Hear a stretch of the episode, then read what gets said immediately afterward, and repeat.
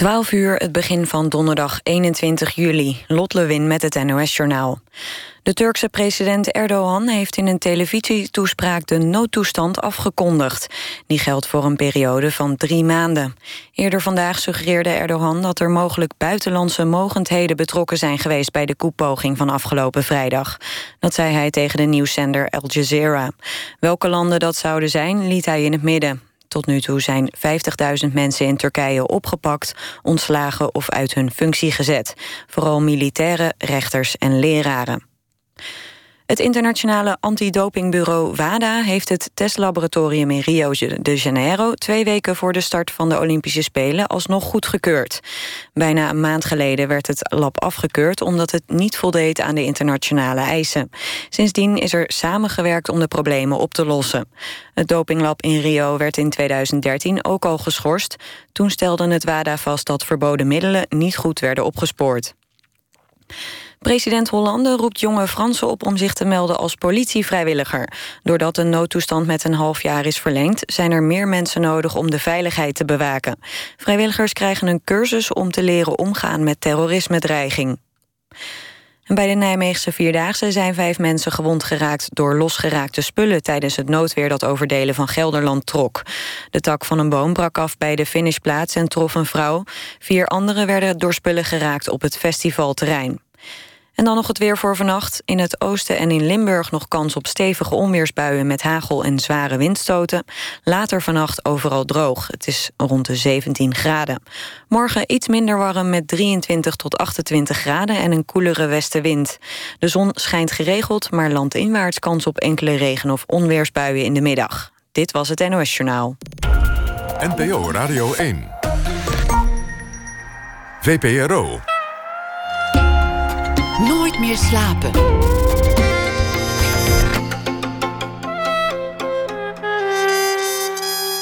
Met Esther Naomi Perquin. Goedenacht en welkom bij Nooit meer slapen.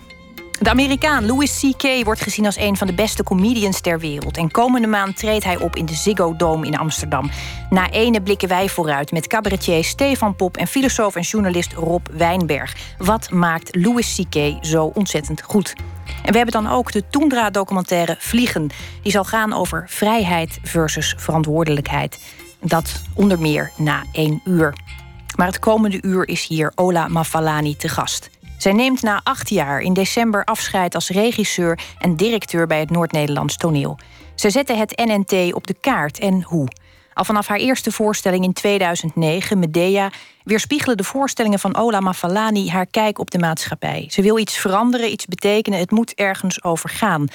En de vurigheid waarmee ze dat doet, dwingt instant respect af. Ze is bereid, denk je, als je haar ziet, om dingen die niet deugen zonder dralen in de as te leggen. Ze is naïef, maar op een vlammende wijze. En ze kan een enorme licht- en warmtebron zijn wanneer ze iets ziet gebeuren dat waarachtig is, dat er toedoet. Bij Ola Mafalani mogen de dingen uitgesproken en benoemd worden, maar moet er ook worden geluisterd. Liever niet naar de verhalen die we al kennen, maar juist naar de verhalen die we vrezen of die we liever niet wilden horen. Ola Mafalani, in 1968 geboren in Syrië, opgegroeid in Duitsland, werkt nu samen met haar artistiek team bij het Noord-Nederlands toneel aan de voorstelling All Inclusive, die vanaf het najaar te zien zal zijn. Een voorstelling die op een wonderlijke wijze tot stand komt binnen de hechte familie die er in de loop der jaren is ontstaan en die een afscheid gaat betekenen. Een moment op een drempel. Ola, fijn dat je er bent. Hallo. Een moment op een drempel, dat vind ik altijd een interessante plek, een drempel. Want vanaf daar kun je eigenlijk, uh, je kunt omkijken, vooruitkijken. Je weet ook niet precies welke ruimte wat betekent. Ik wil eigenlijk allebei die kanten met jou bekijken. Maar misschien, uh, ik ben geneigd om eerst terug te kijken. Toen jij begon bij het Noord-Nederlands toneel, wat trof je aan? Een uh, heel waarachtig mooi gezelschap. Het eerste wat ze zeiden is: het fijnste is dat we op hetzelfde, hetzelfde bureautje hebben en toch ander werk. Elke paar jaar, zeg maar. En mijn voorganger Koos Terpstra was heel fijn. En nou ja, ik wilde vuurwerk op de grote markt. Dat kan dus echt niet. De brandweer gaat never ever vuurwerk op de grote markt toestaan. Je wilde letterlijk vuurwerk op letterlijk, de grote markt? ja. En dat elke dag drie weken lang om te zeggen, ik ben er. En dat kon dus niet. En uh, onze productieleider heeft het mogelijk gemaakt. Dus uh, daarna wilde ik uh, vanuit de Schouwburg dat acteurs op de fiets tijdens de voorstelling naar de grote markt gaan. Een light version van Medea doen voor het volk, hè, wat niet in de Schouwburg is. Dan een wegbeschrijving hoe je naar de Schouwburg komt en weer terug. En toen hebben ze me ook eerst gek verklaard, maar hebben het dan voor elkaar gekregen dat we vergunningen kregen. Dus er was drie weken lang en een buiten light version en een vuurwerk. En een directe connectie met de Schouwburg, dus zeg maar het kunsthuis. En um, daarmee was eigenlijk al duidelijk dat ik daar thuis voel bij dit gezelschap. Want uh, ze hebben het gewoon echt mogelijk gemaakt. Het was gewoon onmogelijk. Maar ze deden het.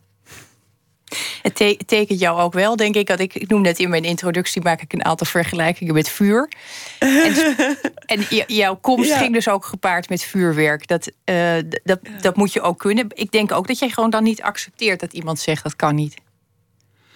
Schat ja, wel, want ik ben wel eigenlijk vrij pragmatisch. Hè? Maar ik, uh, ik wil dat alles geprobeerd is. En dan als nee is, dan is het gewoon nee. Maar ja, nadat je alles hebt geprobeerd. Ja, nadat je gepassioneerd alles geprobeerd hebt. Dus niet naar de gemeente gaan en zeggen mag het en ze zeggen nee en dan stop je. Nou, dat was niet de bedoeling. ja, en, en de Schouwburg ook daar. Uh, het NNT Vormentheid heeft er twee dagen gespeeld. Huh?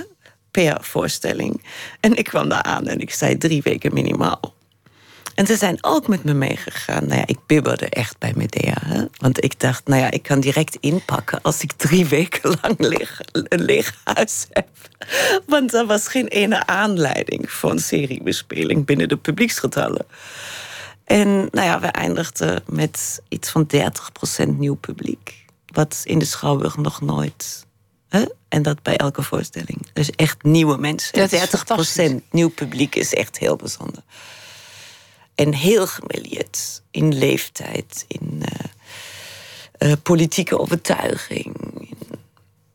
Groningen is wel leuk hoor. Dat, dat, Ik vind uh, Groningen ontzettend leuk. Ja, dat, dat zijn wel. Als je hun hart verovert, dat zeiden ze ook vanaf het begin, dan is het ook echt voor altijd. Zijn ze trouw en open en eerlijk. En soms sprak ik ook mensen die zeiden: Ik vond het deze keer helemaal niks. Maar volgende keer kom ik kijken en dan doe je maar meer je best. dus het is niet, ik vond helemaal niks, ik kom niet meer. Dat was gewoon met dreigement van je moet betere voorstellingen maken, weet je. Maar ze kwamen weer terug en dat vind ik zo mooi, dat, dat je mag falen. En zeker met zo'n vak wat, uh, wat je niet kan. Je hebt een overtuiging, je hebt een wetend deel wat je trekt naar een actie te beginnen. Hè? Uh, groot en gedurfd. Maar je weet, niet, je weet nooit zeker of het lukt.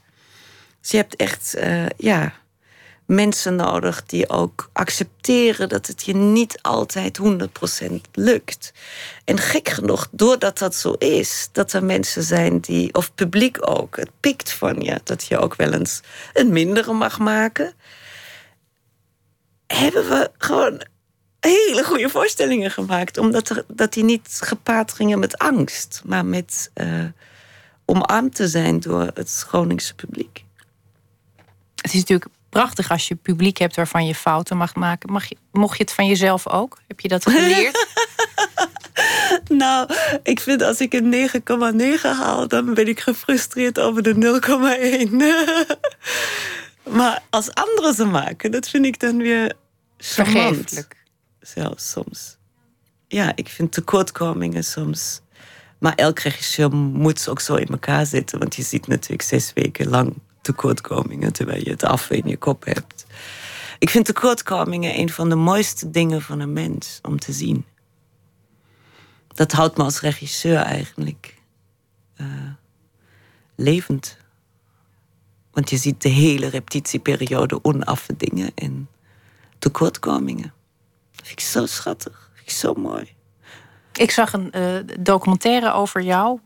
Waarin jij eigenlijk twee gedragingen had bij dezelfde acteur. Je staat een, een acteur te regisseren en je zegt je verstaat me niet. En het, het frustreert jou, want je Sorry, probeert ben. iets duidelijk te, te Sorry, maken. lieve Ben. en je ziet aan jou dat je, dat je die frustratie voelt als regisseur. Je wil je verstaanbaar maken. Je ziet dat het niet werkt. En vervolgens in een andere scène sta jij daar met hem, met, met Ben, zoals deze meneer heet. Je staat daar en je, je legt je hoofd tegen zijn hoofd. En je zegt: We gaan straks even samen apart voor de repetitie. En dan verstaan we elkaar. Want ik denk dat je me niet verstaat. En dan, en dan zegt hij min of meer gefluisterd: Dat is ook zo. ja. Het is een heel. Ik, ik vond het een heel tedere scène. Terwijl je vlak daarvoor zie je die heftigheid waarmee je daar staat. Het zijn twee hele uh, uiteenlopende kanten die je verenigt op dat moment. Of niet op dat moment, want het zijn wel twee momenten. Maar ik vond het omslag uh, vond ik opmerkelijk. Waarom vertel ik dit allemaal? Nou, omdat. het is een beetje te vergelijken met ja, in de ring en uit de ring of zo. Ja, in de ring uh, zie, zie je alleen maar de scène. Je, je ziet alleen maar de scène en je wil, je wil die halen. Het was toen die, die dag, zeg maar, wat je documenteren niet bijzegt, was de tijdsdruk die er toen zat. En ja, je hebt een première datum en je kan wel alles verstaan en begrijpen. En dat is gewoon een, een, een datum waar het klaar moet zijn. en dan kan je heel lang ja, geduldig zijn. Maar dat, ja, dat is mijn taak niet als regisseur om geduldig te zijn als we niet op schema zijn. En dat waren we niet. Nou, je zegt het heel mooi. Ik, ik zie op dat moment alleen de scène. Je bent die scène aan het kneden, aan het vormen. Ja. En die mensen die erin zitten, die zitten in die bubbel. Jij zit die te kneden. En, en pas daarna zie je weer... Dan zijn ze uit die scène gestapt en dan zie je weer dat het mensen zijn. En leg je jouw hoofd tegen hun hoofd. Zoiets moet ik me daarbij voorstellen, misschien. Nou, ik leg niet over op mijn hoofd. maar ik vind het altijd heel fijn om na een scène contact te hebben. Ja, ik zoek dat wel op. Bij de rokers is het iets makkelijker. Die gaan altijd direct met mij eentje roken. En bij de niet-rokers moet je het echt opzoeken. Want bij de rokers ontstaat vanzelf.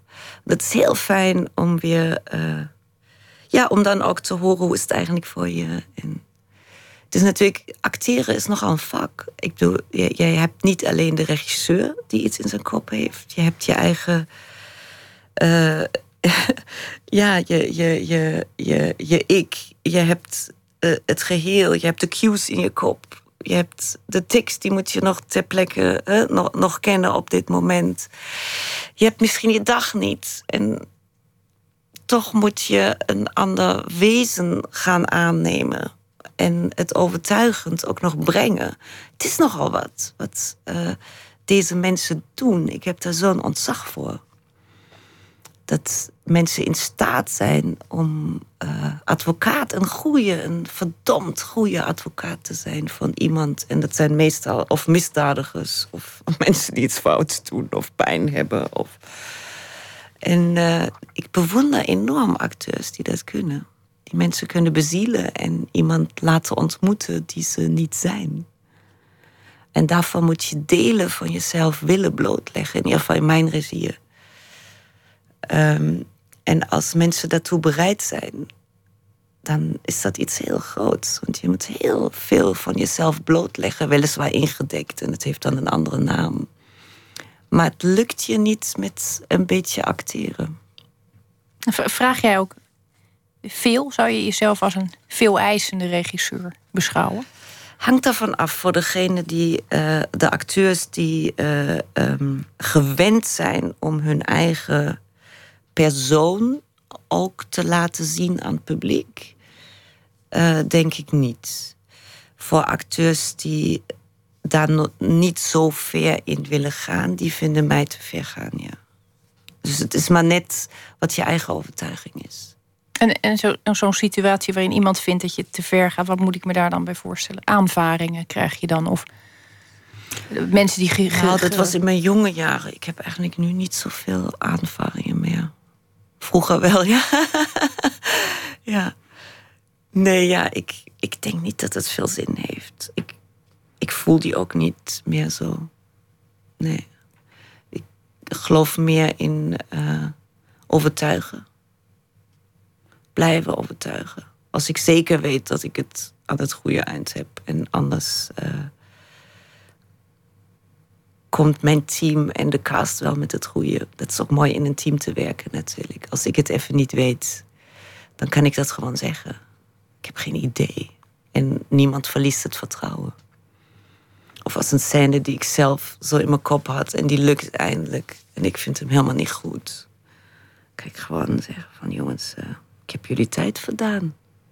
En dan zeggen ze de meeste, eh, de meeste, de meeste zeggen dan dat het helemaal, ja, dat we in ieder geval nu weten wat, hoe het niet moet.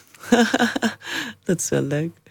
Je hebt ook wel eens uh, overwogen en zelfs een, een, een situatie gecreëerd waarin je ook het publiek kan betrekken bij het denkproces of het, het reflecteren op een voorstelling. Hoe, hoe, hoe gaat dat in zijn werk? Want dat was er nog niet toen jij kwam. Dat heb je min of meer zelf van de grond geholpen.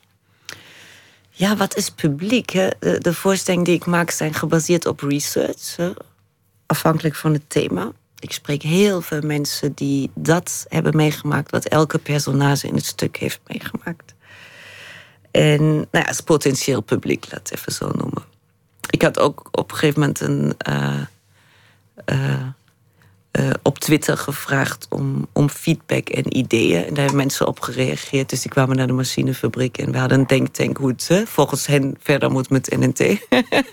dat vond ik ook een hele leuke avond. Van breng eigen eten en eigen drank mee.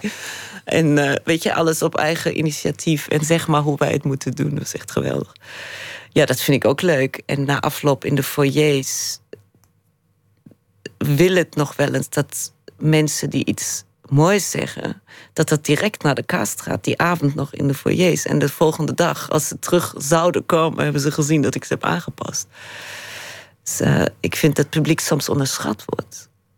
In hoe, uh, hoe goed ze uh, snappen waar je naartoe wil. En hoe goed ze kunnen reflecteren. Je had het bij mij sneller gehaald als je puntje, puntje, puntje. Dus ik luister heel erg graag naar, naar publiek. Heel graag. Ik vraag ze ook graag tijdens de voorstelling iets waar ze antwoord op moeten geven, zoals bij Borgen.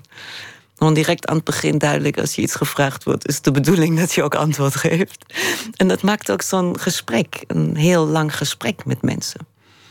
In plaats van een. Eh, terwijl ze maar kort antwoord mogen geven, dan gaat de voorstelling verder. En toch voelt het een lang gesprek, omdat je uh, non-verbaal ben je in doorlopende dialoog. En het vergeten, vergeet publiek hè, dat de acteur doorlopend in dialoog is met je. Iedereen ziet en ook alle reacties ziet. Die kunnen ze me allemaal na afloop vertellen. Heb je die ene vrouw gezien die heeft puntje, puntje, puntje? Zag je die ene daarachter? Heb jij het nog meegekregen? Waarom reageerde die toen zo? Dat kunnen ze allemaal zeggen. Ik hou ook vaak licht maken we zo dat de acteurs het publiek kunnen zien. Nooit te donker, nooit verblind. Ja, heel soms wel. Ik voel me nu ineens een beetje. Want ik zit negen van de tien keer zit ik te huilen. oh, dat vinden we leuk. Ik huil ontzettend altijd. Oh, daar zoeken we naar. ik ook. Dat vind ik dan wel weer een bemoedigende situatie. Ja. het is, het, dit is echt zo'n mooie emotie van acteur om te zien. Dat je, dat je mensen tot tranen toe. Ach, dat is van acteur lachen of huilen.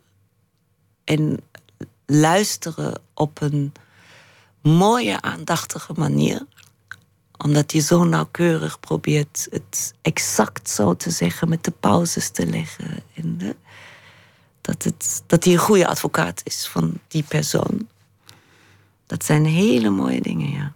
En het allermooiste is als je scant, en ik moet eigenlijk vragen of acteurs dat ook zien. Ik kan het zeg maar, in het publiek zit ik altijd zien.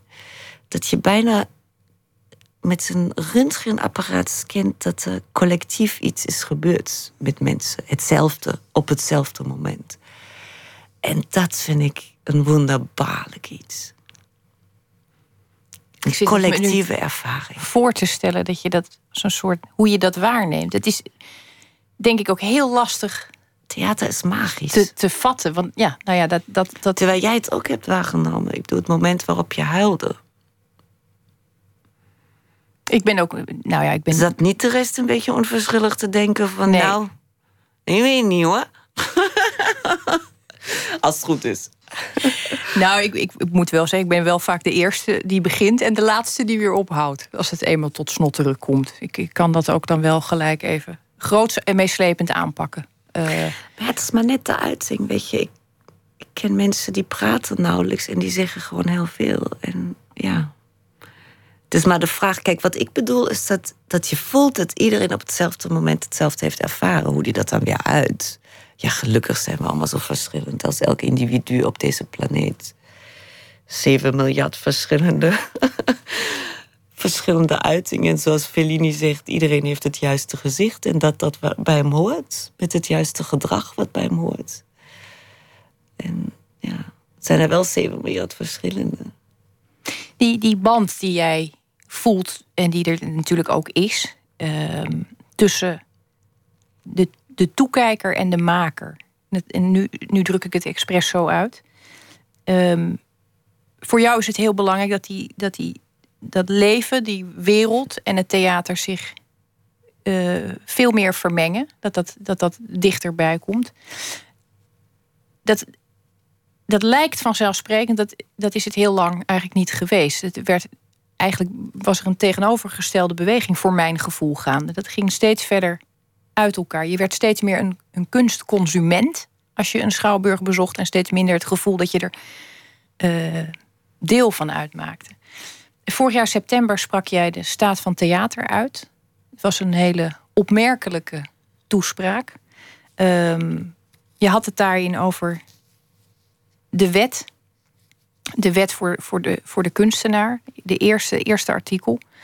Um, de betrokkenheid die je moet hebben. Wat er gaande is in de wereld ook onder ogen zien. Opkomen voor de, voor de rechten van de mens. Um, we hebben daar een fragmentje van, daar gaan we even naar luisteren. Waarom mag deze man hier niet zijn? Als wij niet meer kunstenaars luid, zacht, zingend, fluisterend, schilderend, dansend, maar vooral glashelder opkomen voor de fundamentele rechten van de mens, houden wij ons niet aan artikel 1 van het wetboek van de kunstenaar. Wat is de staat van het theater? Wij meten die aan de aanwezigheid van onze reactie op de staat van de planeet. En dat wat je nu voelt, wat je nu bent, dat moet je morgen weer worden. For tomorrow is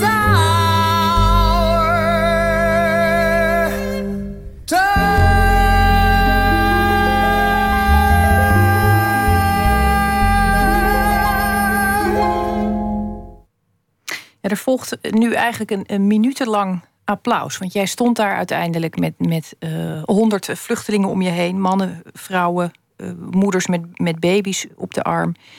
Uh, er was dat minutenlang durende applaus. Er kwam ook kritiek. Ehm, en dat vond ik toen enigszins ironisch, kan ik me herinneren toen ik dat las. Ehm, dat er dan mensen zijn die zeggen: ja, je mag geen eh, vluchtelingen gebruiken om een punt te maken. Mhm. Dat vond ik een hele uh, merkwaardige uh, keuze. Want de hele tijd worden vluchtelingen namelijk door iedereen gebruikt en misbruikt om een punt te maken.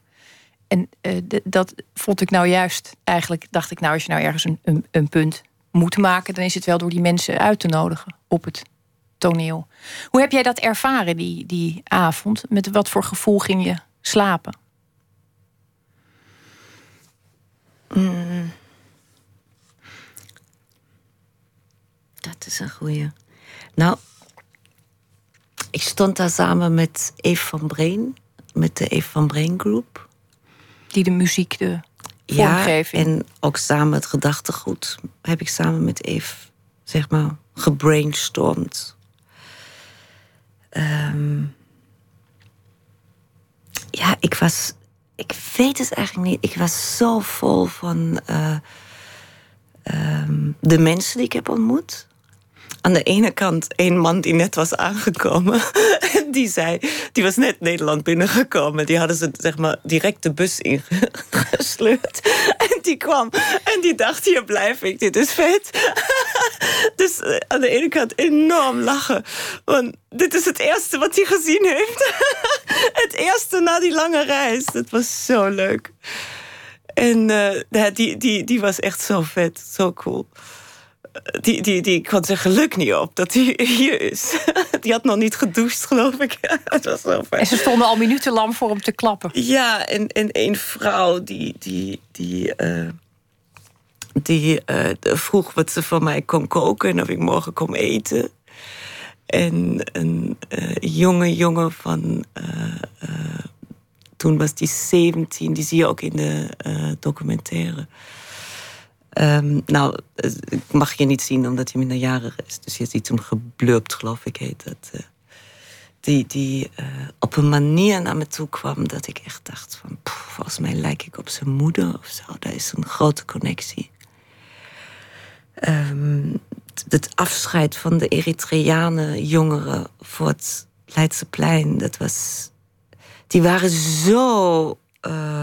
Die deden alleen maar grappen aan het begin. En, en ik probeerde ze in de focus te krijgen van waarom we dat doen en wat de bedoeling is. En, en die deden alleen maar een verkeerde naam zeggen en alleen maar gedoe. En op een gegeven moment ik zoiets van: jongens, kunnen we niet afspreken dat jullie vandaag mijn elftal zijn en gewoon even voetballen? en, en die dan bij de, bij de uitgang, bij het weg, bij het uitzwaaien, een na de ander een traantje liet en me aankeek en, en vroeg of ik weer naar Deventer, of ik terugkom. Uh, of, of ik weer kom, of ik kom. En of we elkaar nog eens zien en wat het heeft betekend. En dat, ja, dat was zo indrukwekkend. Het, ik was zo onder de indruk van die uh, nieuwe mensen die ik had ontmoet. En de, de wil om. Uh, of of hun, hun, hoe zij het applaus hebben ervaren ze zaten te huilen. Een, een man van tegen de zestig aan, die, die als een klein kind zat te huilen. Nou, ik kon niet aan. Ik weet nog de hele groep en ook Eve kon niet meer zingen. Die zat alleen maar. Uh, ja, hij was namelijk met de rug. Hij wilde met de rug naar de zaal. Hij wilde voor hen zingen. Maar ja, toen zag hij de tranen. En toen was, dat heeft natuurlijk directe connectie met je stembanden. en dat is hem nog nooit eerder overkomen. Dus we waren allemaal. En ja, ik dacht, één iets heb ik met mezelf afgesproken. Ik ga niet huilen. Maar het was zo moeilijk. Want die jongen die naast me was, die kwam uit Eritrea. Ik weet dat. Hij had zijn hand. Ik zei tegen hem: Doe wat je wilt. Hè? Ja, hij kwam als eerste. Waarom mag deze man er niet zijn? Toen kwam zo'n bloedmooie Eritreaanse 16-jarige jongen binnen. En die ging naast me staan. En ineens keek ik en had zo op, op, op dat uh, ding, zeg maar, waar ik mijn speech had uh, liggen, heeft hij zijn hand gedaan. En op een gegeven moment dacht ik alleen maar, wat heeft hij mooie handen. Ik was er helemaal uit. ik dacht, die heeft zo mooie handen. Want ik kopieerde al zijn bewegingen die hij deed. Maar op een gegeven moment was ik zo afgeleid. Van, ja, eh, dus het is heel moeilijk om jouw vraag te beantwoorden. Want het was allemaal zo echt en zo. Iedereen heeft mij gedankt op een manier alsof ik, alsof ik iets groots heb gedaan voor ze. Nou, dat, ik, ik denk ook wel dat je dat hebt. Misschien niet, niet bedoeld als iets groots, misschien bedoeld juist als iets kleins, namelijk contact.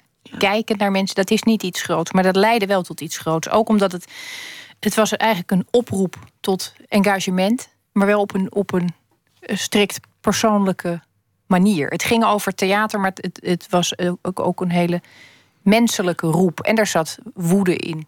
Er was verdriet hoorbaar.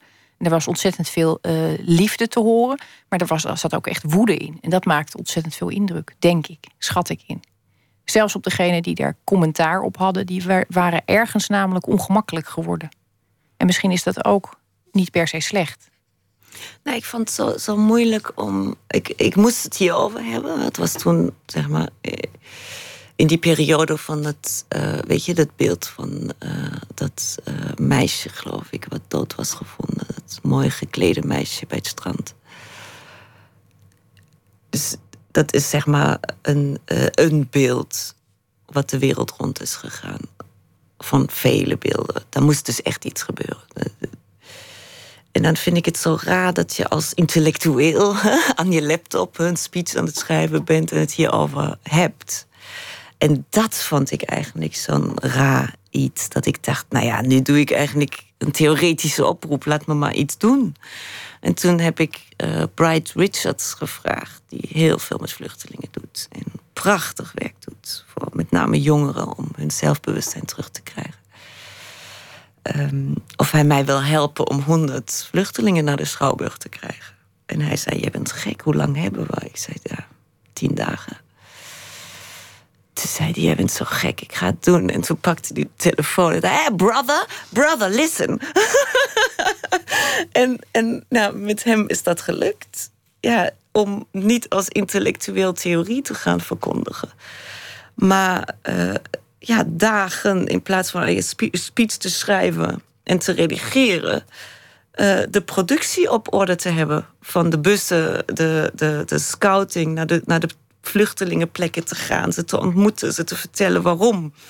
Ja, dat zat ik te doen in plaats van te tikken aan de computer en intellectueel te redigeren. En dat vond ik fijn dat ik eigenlijk de eerste stappen had genomen toen ik stond de oproep te doen. En dat vind ik altijd het allerbelangrijkste, ook in een gezelschap, weet je maar kijken of je een gezelschap zo met, met menselijkheid en schoonheid kan runnen. voordat je iets over de wereld mag zeggen als theatermaker. Kijken of je ja, een groep hè, uh, uh, weerbaar kan krijgen. En, en toch uh, liefdevol naar elkaar toe. Voordat je zegt van wat andere mensen allemaal moeten. Dat is natuurlijk de. Hè, de grootste uitdaging om het te menen, om het gedaan te hebben. En eigenlijk zat dat erachter. En, en een hoop dat ik ze gewoon mijn applaus geef. Want ik vond het heel raar om applaus te krijgen om iets, tijdens dat ik iets hierover zeg. En dat vind ik eigenlijk nog steeds. Dat, dat, kijk, nu zijn de muren dicht en we nemen minder vluchtelingen uh, aan. Waardoor het op de een of andere manier op een oppervlakkige manier nu nog in de PS is. Maar er worden op dit moment ongeveer overal bij elke grens uh, mensenrechten geschonden op de eerste manier. En dat is iets waar ja, wij ook verantwoordelijk voor zijn. De wereld hebben wij omarmd als een globale wereld. We halen onze grondstoffen uh, lenen we van allerlei landen. En het is gewoon niet meer Nederland hè, wat met een koets in uh, ik weet niet hoeveel dagen bereikbaar is. En dat omarmen we. En daarmee moeten we ook de volgende stap nemen. Dat is, we gaan over alles op dit moment. We gaan even luisteren naar muziek. All Apologies gaan we horen. Dat is een nummer van Nirvana dat zanger-gitarist Kurt Cobain had opgedragen aan zijn vrouw en dochter. En u hoort de versie van Sinead O'Connor en die is uitgebracht in 94 en dat is het jaar van Kurt Cobain's zelfmoord. What else should I be? All apologies. What else should I say? Everyone What else could I write? I don't have the right. What else should I be? All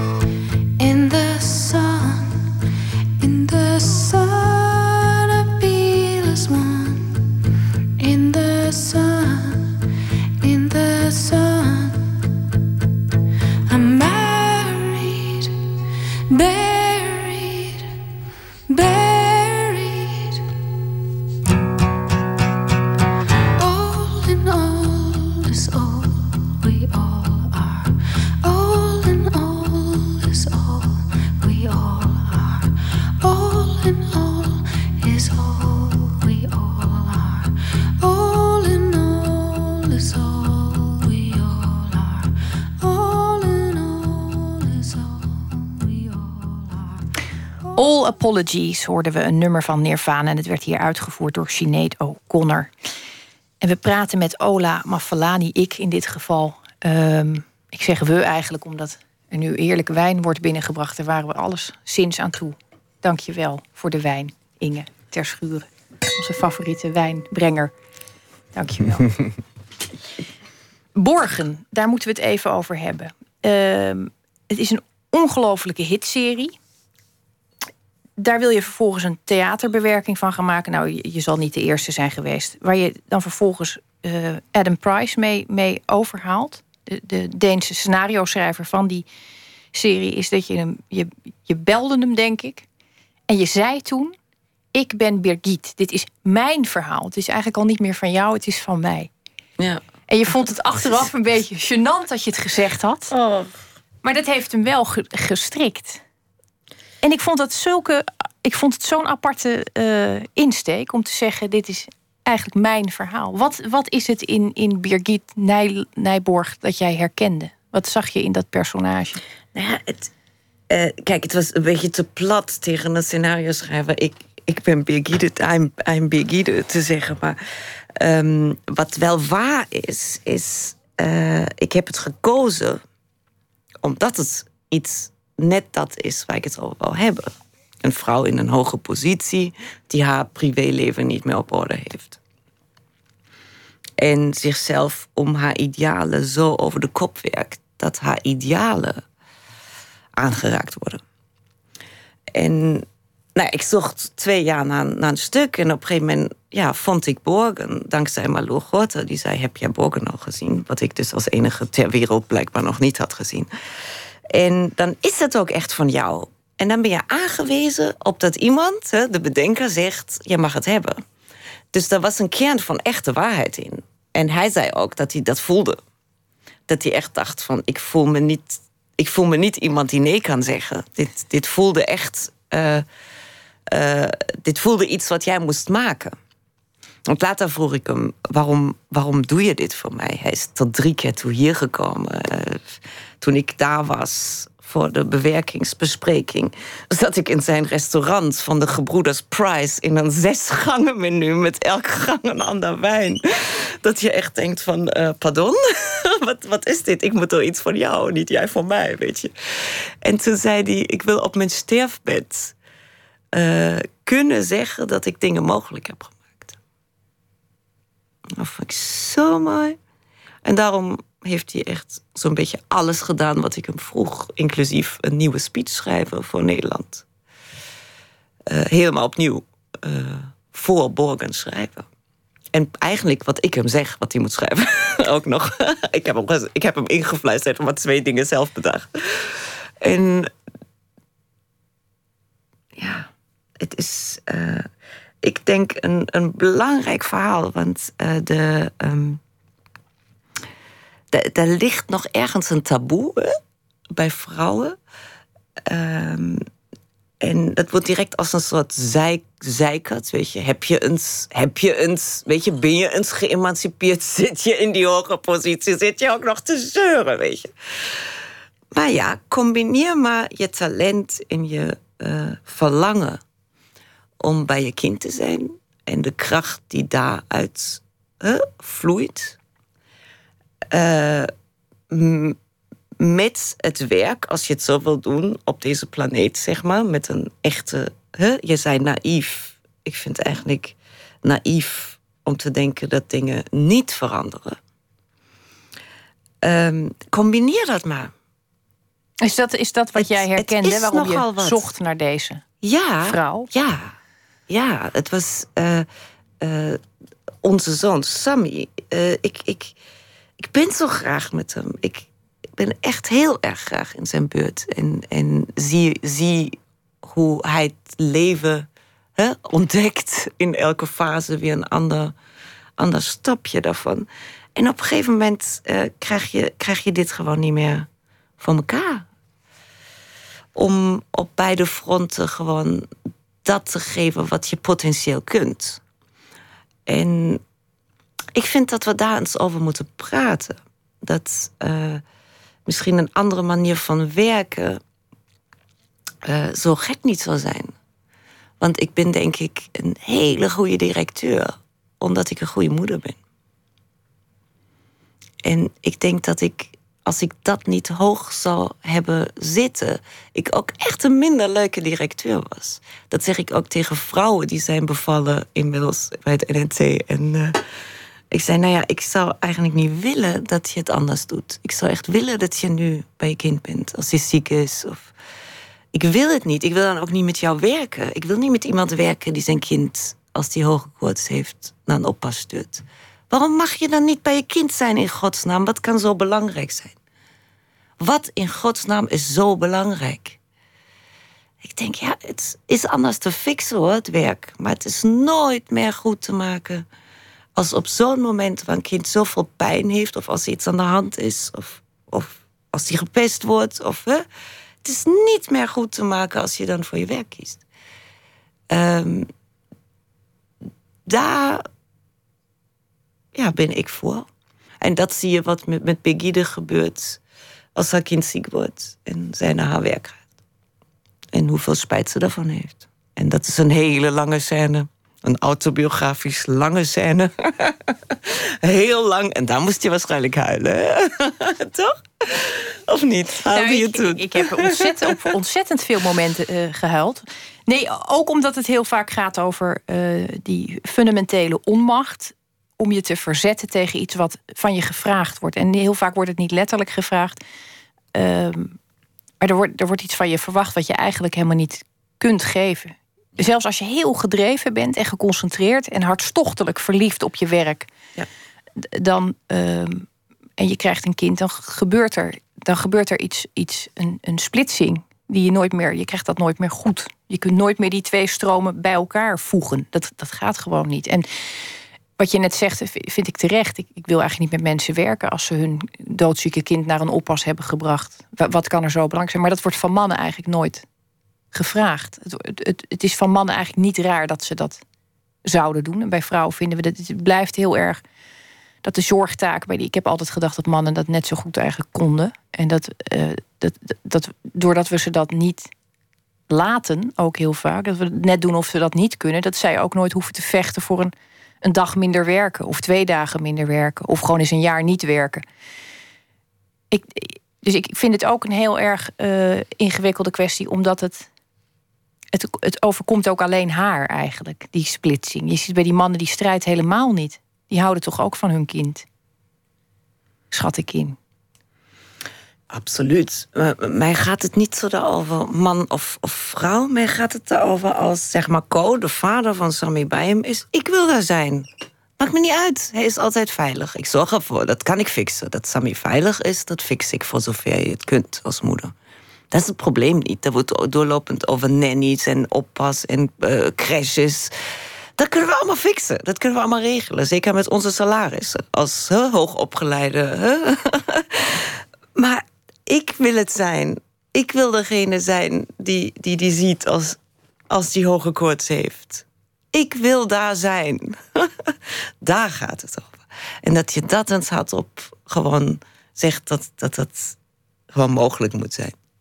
Om die liefde, om op die momenten gewoon mee te maken. Ook al gebeuren ze, ja, dan, het kan natuurlijk altijd als, als er niet, ja, zoals bij Begide, een, meisje krijgt angstaanvallen. Regelmatige angststoornissen. Dat is niet iets voor even een griepje waar je één nachtje koorts hebt. Ja, en dan ben je minister-president. Wat zou je eigenlijk willen? dat Obama zijn kind dan alleen laat. Rutte heeft geen kinderen, dus dat kan ik nu niet zeggen. Maar hij gaat regelmatig naar zijn moeder, wat ik heel fijn vind. Dat hij daar hè, heel erg keurig hè, een leuke zoon is, blijkbaar.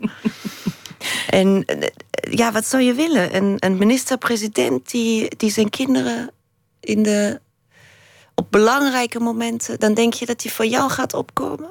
Een mens is toch één geheel? Een mens is toch één... Die meet toch op één manier? Dat is toch maar één iemand? Of zijn we zo schizofreen dat we uh, goede politiek kunnen bedrijven en ons kinderen volledig verwaarlozen? Daar geloof ik niet in. Ik vind dat we daar uh, in het Westen zijn we helemaal doorgeschoten. We zijn echt doorgeschoten met uh, werk. En, ja, we, zijn... en we verwaarlozen onszelf ook een beetje. En dat maakt misschien ook deze idiote keuzes die die gebeuren. Het gaat ook heel erg over het, het opeisen van een plek. Uh, dat zie je bij, uh, bij Borgen heel, heel sterk als het om uh, Brigitte gaat. Um, ik kwam een anekdote tegen terwijl ik over je aan het lezen was. En dat vond ik zo prachtig. Toen jij ging samenwonen was dat met Ko van der Bos. Was dat eigenlijk onder voorwaarde dat je een eigen plek kreeg? Een kamer waar hij niet mocht komen. En hij noemde dat Syrische ambassade. Ja. En toen dacht ik, je moet dat kunnen. Je moet sowieso weten van jezelf dat je die plek nodig gaat hebben, maar je moet dat ook uh, durven. Want het is natuurlijk, we leven wel in een, in een tijd met veel romantische misverstanden. Ja. We krijgen aangeleerd dat als je met, met iemand samen bent, dat je dan een soort samen moet vallen. Je moet die eigen plek op kunnen eisen. Op, op, op basis waarvan kon jij dat? Wat is het in jou dat, dat zei: ik moet dit nu doen? Ik moet zorgen dat ik dat, die plek heb, die kamer. Wat, wat betekende dat? die kamer? Een uh, goede vriend zegt uh, altijd bij dit soort vragen: Het had kent een reden die de reden niet kent. Ik weet het niet. Het moest, anders ging ik niet samenwonen. Het is een instinctieve keuze. Het had kent een reden die de reden niet kent.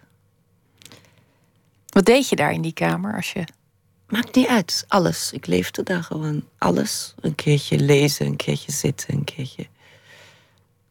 Uh, mocht hij op bezoek.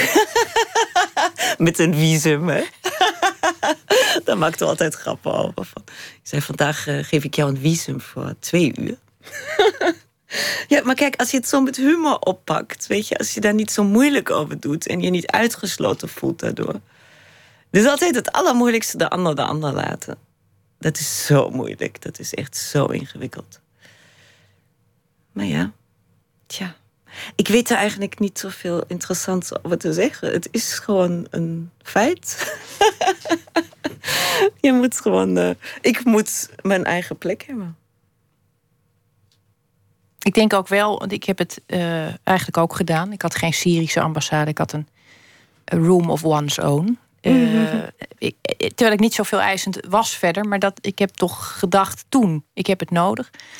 Uh, het, het, heeft, het heeft verder, uh, uiteindelijk is mijn huwelijk ook gewoon stuk gegaan. Dus het heeft eh, ook niet geholpen dat, dat er een soort, maar dat, het besef dat je iets voor jezelf moet houden, al is het maar een, deur die open kan en, en weer dicht.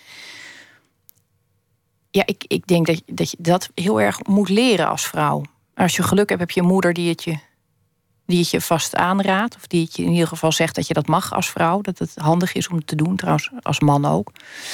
Um, maar anders moet je, dat, moet je daar zelf achter zien te komen. En soms is dat gewoon te laat.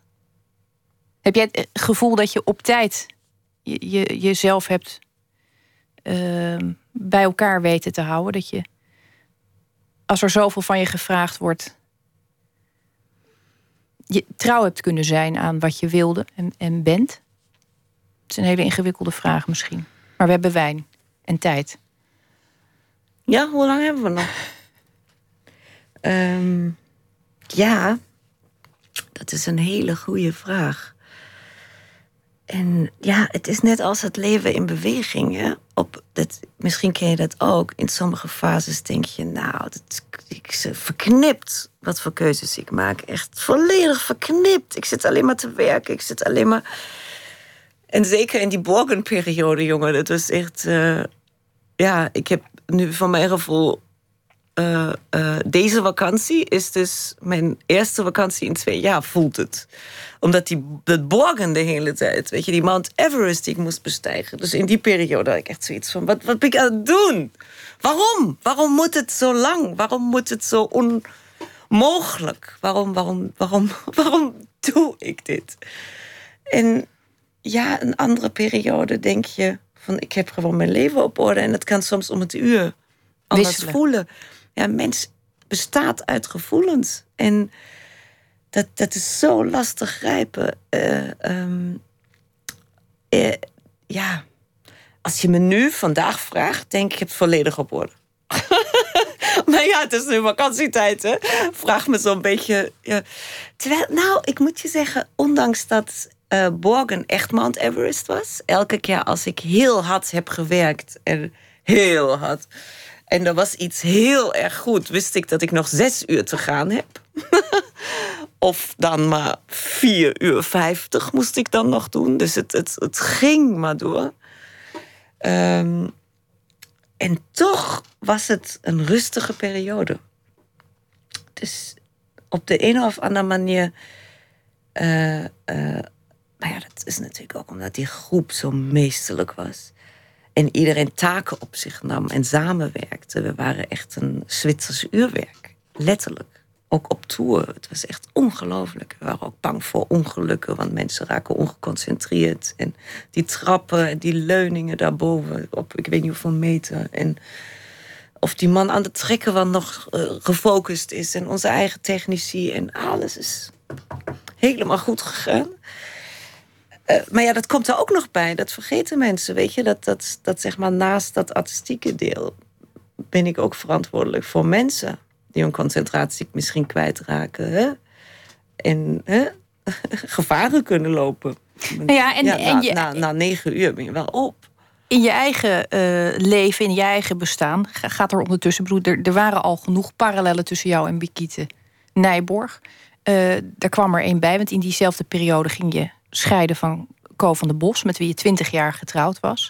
Dat is een parallel die je niet per se had, had gewild. Ik zei tegen Edam Priese van... eh, mag ik nummer eh, eh, vier met jou schrijven? Want eh, eh, jij bent mij te autobiografisch. En als ik met je meeschrijf, bepaal ik hoe mijn leven verder gaat. En toen zei hij dat het hem een goed idee lijkt. om samen de vier te doen. Eh, ja, ja, dat zag ik niet aankomen. Nee. Maar je bent overeind ja, gebleven. wie ziet het aankomen? nou ja, nee, je ziet het Iemand? zelden aankomen, Iemand van u die luisteren, stuur maar een appje. Of je de toekomst in kunt kijken, want dan eh, wil ik even met je praten. Ja, nee, dat. eh, ja, dat, dat. Ja. Het mooie is. ehm, dat. eh, die scènes snel klaar waren. ik wist helemaal waar ik het over had.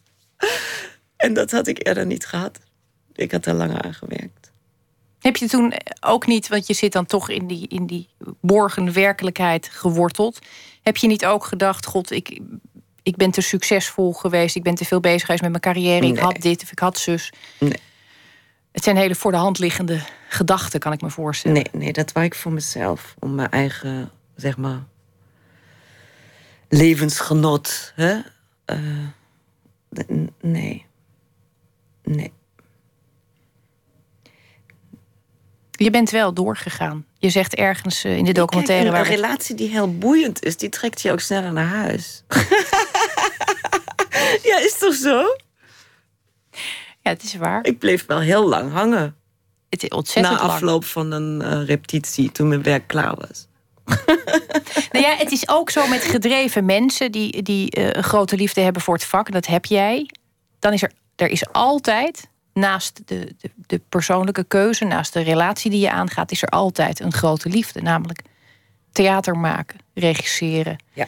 Dat is altijd. En je, eh, je, mijn, mijn Alleen- verwachting was, je, je begrijpt dat Je toch van elkaar. Dan, dan gaat het goed, denk je dan. Ja, ja, je hebt een première datum. Dat is geen punt. Kijk, als, als je man verliefd wordt op een ander, weet je nooit wanneer het klaar is. Terwijl bij theatermakers weet je exact de première datum. En dan, gaat het, dan is het voorbij. En jullie wisten En dat, van elkaar. fijn. Ja, we hadden altijd een première datum. Tot dat moment mocht je vreemd gaan, zeg maar.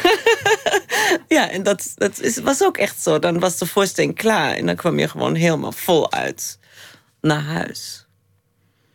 Nee, ik denk dat het zelfs... eh, eh, dat deel is wel goed. Dat je jezelf niet moet uitleggen. Dat iemand begrijpt wat, wat dat voor je betekent. Theater maken. En wat je...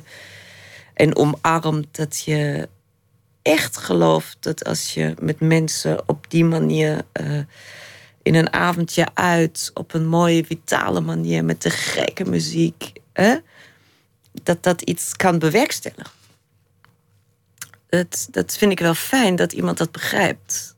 Dat, dat dat niet alleen maar werk is voor mij. Dat is, dat is een. Dus het li- lijkt me cruciaal Een dat iemand missie. dat snapt. Ja. Dus dat, dat was het, eh, wel het fijne deel. Maar ja, 22 jaar. Wanneer kies je voor elkaar? Ik weet nog, ik heb mijn 25ste heb ik gevierd. Hè? Toen ik Co. Toen kende ik Co al heel goed. Ja, dat, dat is denk ik de enige reden. Ik was 24. en ik ben nu 47. En we hebben toen volmondig voor elkaar gekozen. En we hadden een wereldtijd samen. Maar ja, ik ben eh, een andere overtuiging gaan hebben. Zoiets. Ja. En dat mag dingen gebeuren. En je hoeft niet. Ja. Met kind was het wel een beetje moeilijk. En het is heel goed, want we zijn vrienden en het gaat super. Maar dat, dat is wel, wel een dingetje, ja. Gaat wat dan, maar dat is een dingetje. Dat is een eh, zorg. Nou ja, omdat je iets moet doen wat je eh, eigenlijk indruist tegen wat je, wat je wil. Je wil dat je kind in, een, in, in warmte en veiligheid en het alles voor zolang het duurt. Zijn wereld verandert vanzelf, maar voor zolang het duurt goed is en veilig en, en stabiel is. En dan, dan doe je dus iets wat, wat eigenlijk tegen je moederschap indruist. En dat is eh, chaos eventjes creëren. Dat is natuurlijk iets wat heel ingewikkeld is om, om jezelf dan weer te vergeven. Terwijl het natuurlijk menselijk is gebeurd. En je doet het zo goed mogelijk. Maar even zo goed blijft het een, eh, een merkwaardige beweging die je ineens uit moet voeren. Choreografie. Die helemaal niet. Ik herken dat, dat deel van vergeven, dat herken ik niet.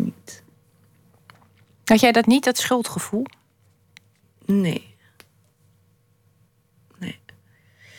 Nou ben ik daar ook niet zo van. ik denk altijd, geweest is geweest. Hè? En natuurlijk heb ik schuldgevoel als ik iets ergs heb gedaan. Eh, ook als het collateral damage is gebeurd. Maar ik ben niet zo snel op, oh my god, mea culpa, maxima, maxima. Dat, dat hoort niet bij mij. Nee, je ik bent denk ook van, eh, we zijn nu hier en er zijn nu miljoenen mogelijkheden. En ik doe liever eh, iets te geks voor jou bedenken als ik een fout heb gemaakt. Wat zoveel sterker is dan de herinnering aan de fout. Dan dat ik je om vergeving vraag. Dat, eh, ja, nee, ik ben daar niet zo van. Je staat op de drempel, zei ik helemaal aan het begin van ons gesprek. En ehm, All inclusive heb je het niet over gehad. All Inclusive hebben we het niet over gehad. All Inclusive is de voorstelling die je nu gaat maken.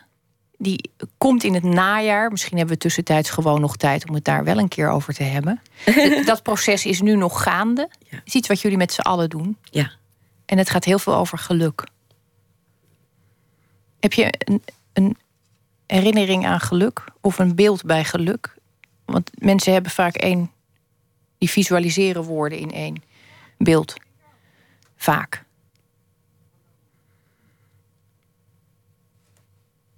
Of is het, iets waar je helemaal nog niet. Bijna elke ochtend als ik wakker word, zo'n gevoel. nee, maar echt. Dat nemen we allemaal voor granted. Dat je wakker wordt en nog leeft. En dat je die dag nog leeft. Zoals vandaag, weet je. Toen kwam ik naar, naar hier, naar Hilversum. En zo'n zomeravond en de ramen waren open. Een prachtige chauffeur die je komt halen. Weliswaar te vroeg, maar wel een hele leuke vent die dan zo charmant en, en We en waren dan ook heel. hoor je zo, die, die, die- je, hoort de wind en de... En ja, ik weet niet, ik heb dan een ge- geluksgevoel, ja. We sluiten daarmee af. Ola Mafalani, dankjewel dat je te gast was. Straks na het nieuws van 1 uur gaan we verder.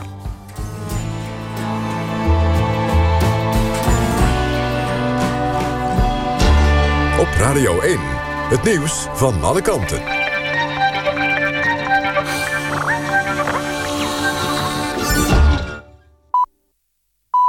1 uur, Lot Lewin met het NOS-journaal. De Turkse president Erdogan heeft in een televisietoespraak de noodtoestand afgekondigd. Die geldt voor een periode van drie maanden. Eerder vandaag suggereerde Erdogan dat er mogelijk buitenlandse mogendheden betrokken zijn geweest bij de koepeloging van afgelopen vrijdag. Dat zei hij tegen de nieuwszender Al Jazeera. Welke landen dat zouden zijn, liet hij in het midden. Tot nu toe zijn 50.000 mensen in Turkije opgepakt, ontslagen of uit hun functie gezet. Vooral militairen, en leraren. De financiële positie van de grootste Nederlandse pensioenfondsen blijft ver onder de maat. Dat blijkt uit hun nieuwste kwartaalcijfers die maar een hele lichte stijging laten zien. Omdat de fondsen niet genoeg geld in kas hebben, is de kans groot dat de pensioenen volgend jaar worden verlaagd. En dat geldt dan voor zowel pensioenuitkeringen als voor degenen die nog pensioen opbouwen. De pensioenfondsen hebben vooral last van de aanhoudend lage rente. Het internationale antidopingbureau WADA heeft het testlaboratorium in Rio de Janeiro twee weken voor de start van de Olympische Spelen alsnog goedgekeurd. Bijna een maand geleden werd het lab afgekeurd omdat het niet voldeed aan de internationale eisen. Het dopinglab in Rio werd in 2013 ook al geschorst. Toen stelde het WADA vast dat verboden middelen niet goed werden opgespoord. Bij demonstraties rond de Republikeinse Conventie zijn zeker tien mensen opgepakt. Demonstranten staken een Amerikaanse vlag in brand en blokkeerden de ingang tot het gebouw waar de conventie plaatsvindt. Twee agenten raakten licht gewond bij de confrontatie. Gisteren werd Trump gekozen als presidentskandidaat tijdens die conventie, die in totaal vier dagen duurt. Volgens de politie is dit de onrustigste dag tot nu toe. En dan nog het weer. In Limburg geldt code geel wegens kans op stevige onweersbuien met hagel en zware windstoten.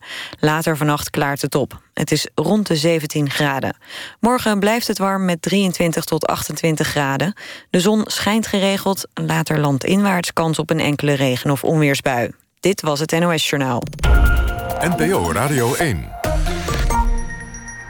VPRO. Nooit meer slapen.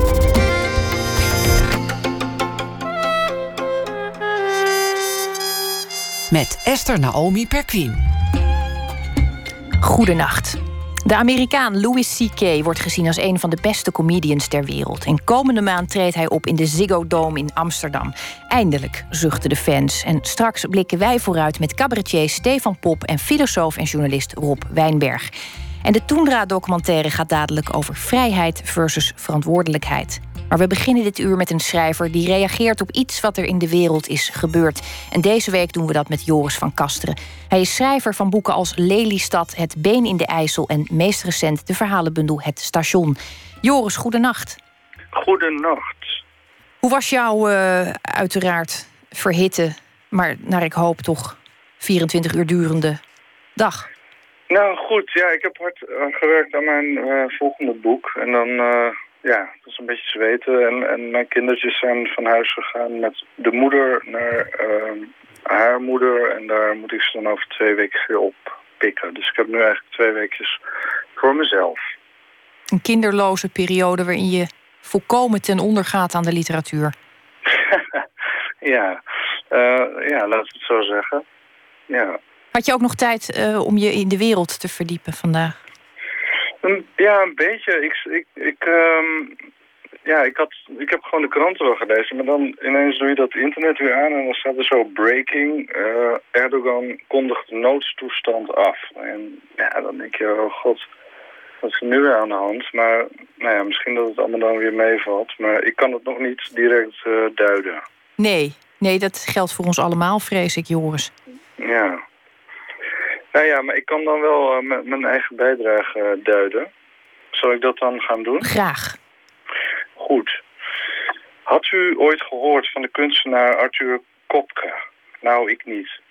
Maar dankzij een 91-jarige, mij onbekende Duitse dame en de Süddeutsche Zeitung die verslag deed van het voorval, is daar gisteren verandering in gekomen. De seniorin, al dus de Süddeutsche, bezocht met een groep leeftijdsgenoten het Neuen Museum in de Duitse stad Nuremberg. Toen haar oog viel op een collage van deze Arthur Kopke, een ex uh, toen haar oog viel op een collage van deze Arthur Kopke, een experimenteel, zo bleek al gauw. De collage in kwestie was een tot schilderij verwerkt kruiswoordraadsel, ergens in de jaren 60 uit een Britse krant geknipt. Duitse mevrouw in kwestie, die kennelijk het Engels machtig was, haalde een Kugelschreiber tevoorschijn en begon direct de puzzel in te vullen. Niet lang daarna werd zij door een suppost in de kraag gevat. En nu dreigt de arme mevrouw de schade aan het voor 80.000 euro verzekerde schilderij uit eigen zak te moeten vergoeden. Arthur Kopke, de aanstichter van dit alles, werd in 1928 in Hamburg geboren. In 1977 stierf hij in Kopenhagen en had toen de O in zijn achternaam veranderd in een E. Zo'n Deense O met een streepje erdoor. Kopke, ontdekte ik vandaag, is veel belangrijker geweest dan ik dacht. In een naslagwerk las ik dat hij een centraal figuur was geweest, niet alleen in de Deense, maar ook in de internationale avant-gardistische kunstbeweging uit de jaren 60 van de vorige eeuw. Kopke hield er een motto op na. Vul in met je eigen verbeelding. Daar kwam dat motto op neer. Het ging hem erom dat kunst te maken moest hebben met het scheppen van een eigen fantasie binnen de alledaagse werkelijkheid. Kopke, las ik in de almanak, stond zeer sceptisch tegenover alles wat als norm kon worden beschouwd. In wezen is zijn kunst één grote rebellie tegen heersende opvattingen. Een minder prettig aspect aan Kopke was zijn lidmaatschap van de Hitlerjugend. Maar daar was hij zoals elke Duitse jongen min of meer toe gedwongen geweest. Na een studie kunstgeschiedenis die hij niet afmaakte, besloot hij zijn eigen expressie te vinden, die, die niet op dogma's zou zijn gebaseerd. Zijn eerste kunstwerken, die hij afscheidde in de jaren 50, heten veelal zonder titel. Kopke had in Kopenhagen in een hut gewoond, die uitgroeide tot een galerie. Het succes was kortstondig, de galerie ging failliet. Bij Kopkes dood wist nauwelijks nog iemand wie hij was. Het is dan ook onbekend hoe zijn werk in het Neuen Museum is terechtgekomen. Van Kopke weten we dat hij zijn werk ondertekende met het cryptische NC. Daarmee wilde hij zeggen dat het kunststuk in kwestie nooit af was. Dat het in wezen gold als een uitnodiging aan de kunstkijker om verder te gaan waar het werk ophield. En laat dat nu precies zijn wat deze 91-jarige Duitse dame deed. Te midden van al het staatsgreep en conventiegeweld zou ik voor een kort moment de kortstondige terugkeer van Arthur Kopke willen vieren. Waarbij dank moet uitgaan aan de gedreven, anonieme Duitse mevrouw. Joris, het is een uh, verdienstelijke verdediging van deze kunstbeschadigende mevrouw. Ben, jij nu, ben jij nu ook erg benieuwd naar zijn werk? Ik ben ook benieuwd naar zijn werk. Nee, dat, dat klopt. En dat heeft deze mevrouw dan en passant ook weer even. Dat is toch fantastisch. Het is toch echt geweldig. En dat, dat, dat hij dat eigenlijk ook gewild heeft. En, en dat er dan weer zoiets banaals als beveiliging en, en verzekering aan te pas moet komen om, om dit weer in de kiem te smoren. Dus laten we dit verhaal vooral uh, voortvertellen. Nou, dat lijkt me een heel gunstig voornemen. Joris, uh, dank je wel en ik uh, spreek jou morgen weer. Tot morgen. Tot morgen. Dag. Een jonge RB-artiest die een liedje covert van een van de hardste gitaarbands uit Amerika, de Foo Fighters. Luister naar Gallant. Twee weken geleden nog heel overtuigend op North Sea Jazz. En hij komt hier met Learn to Fly.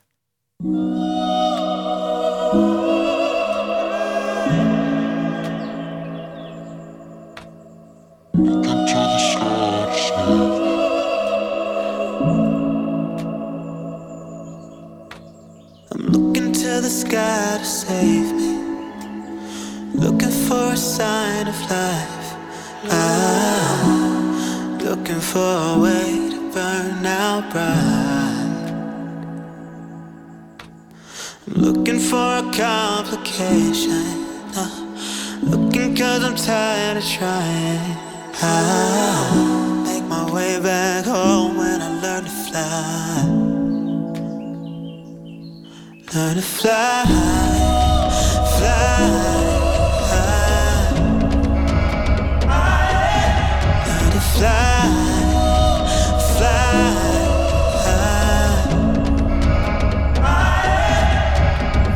Run and tell all of the angels this could take all night. Think I need a devil to help me get through. Up a new revolution. Cause this one is a lie. We sat around laughing and watched the last one die. Oh, time.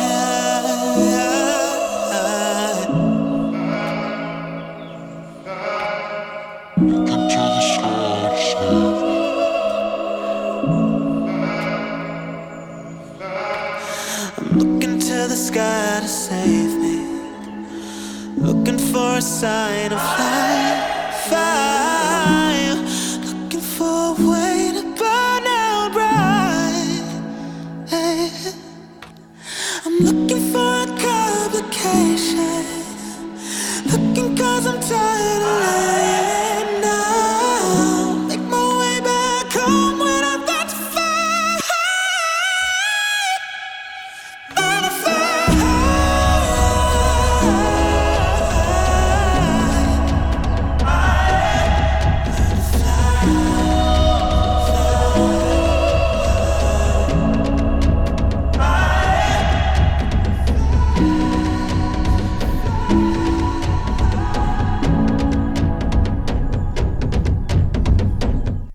Learn to Fly van de Foo Fighters, hier in de versie van Gallant.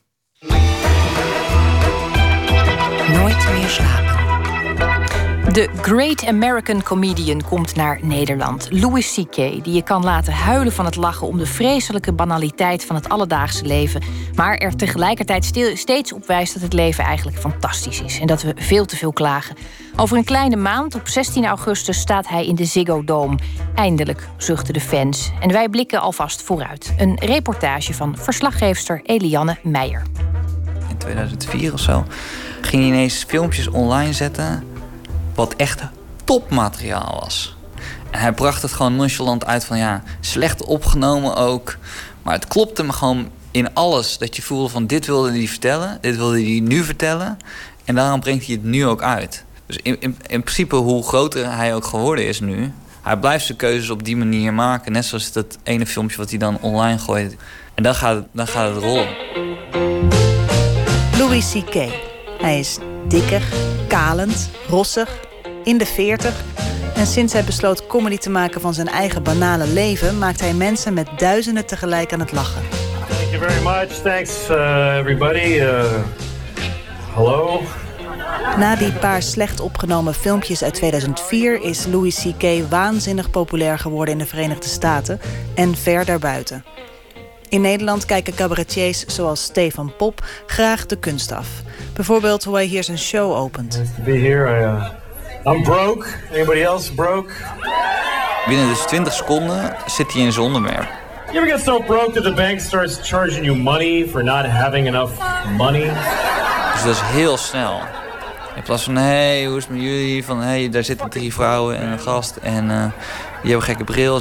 Nee, hij, is gewoon, hij komt op. I'm broke.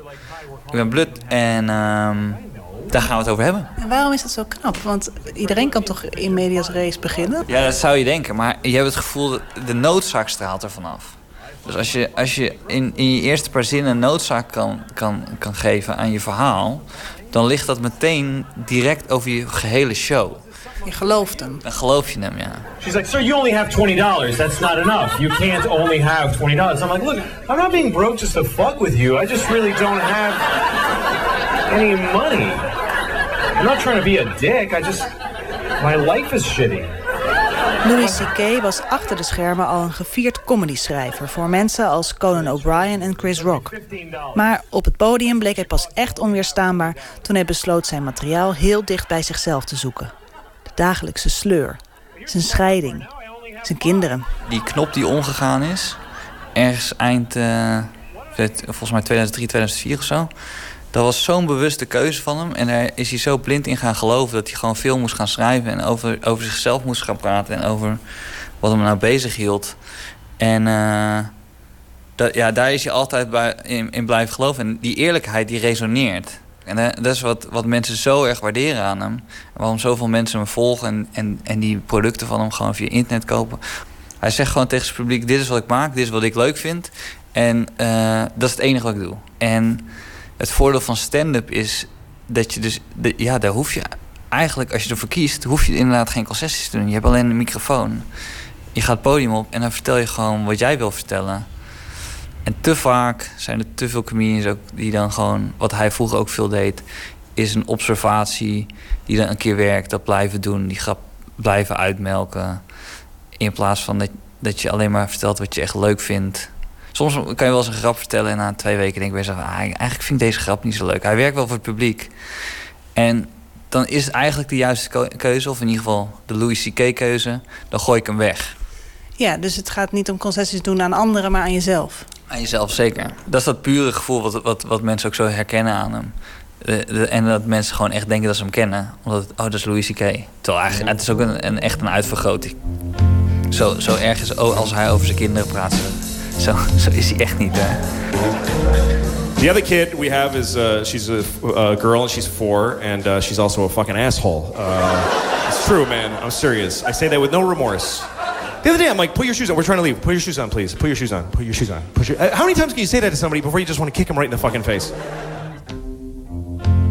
Ik vind een van zijn grappigste formuleringen... Ik heb niet eens kinderen, maar het is zo grappig geformuleerd... dat hij dan zegt van... Als je kinderen hebt en je wil ergens heen... Iedereen zal dit herkennen. En je, je probeert ze in de auto te stoppen... en dan heb je eindelijk heel veel gedoe... al die kinderen in de gordel gepropt... en dan zijn ze eindelijk achterin uh, de auto. En dan doe je de deur dicht en dan zegt hij... dat wandelingetje van de rechterachterdeur naar jouw bestuurdersdeur... dat is een vakantie, zegt hij voor ouders.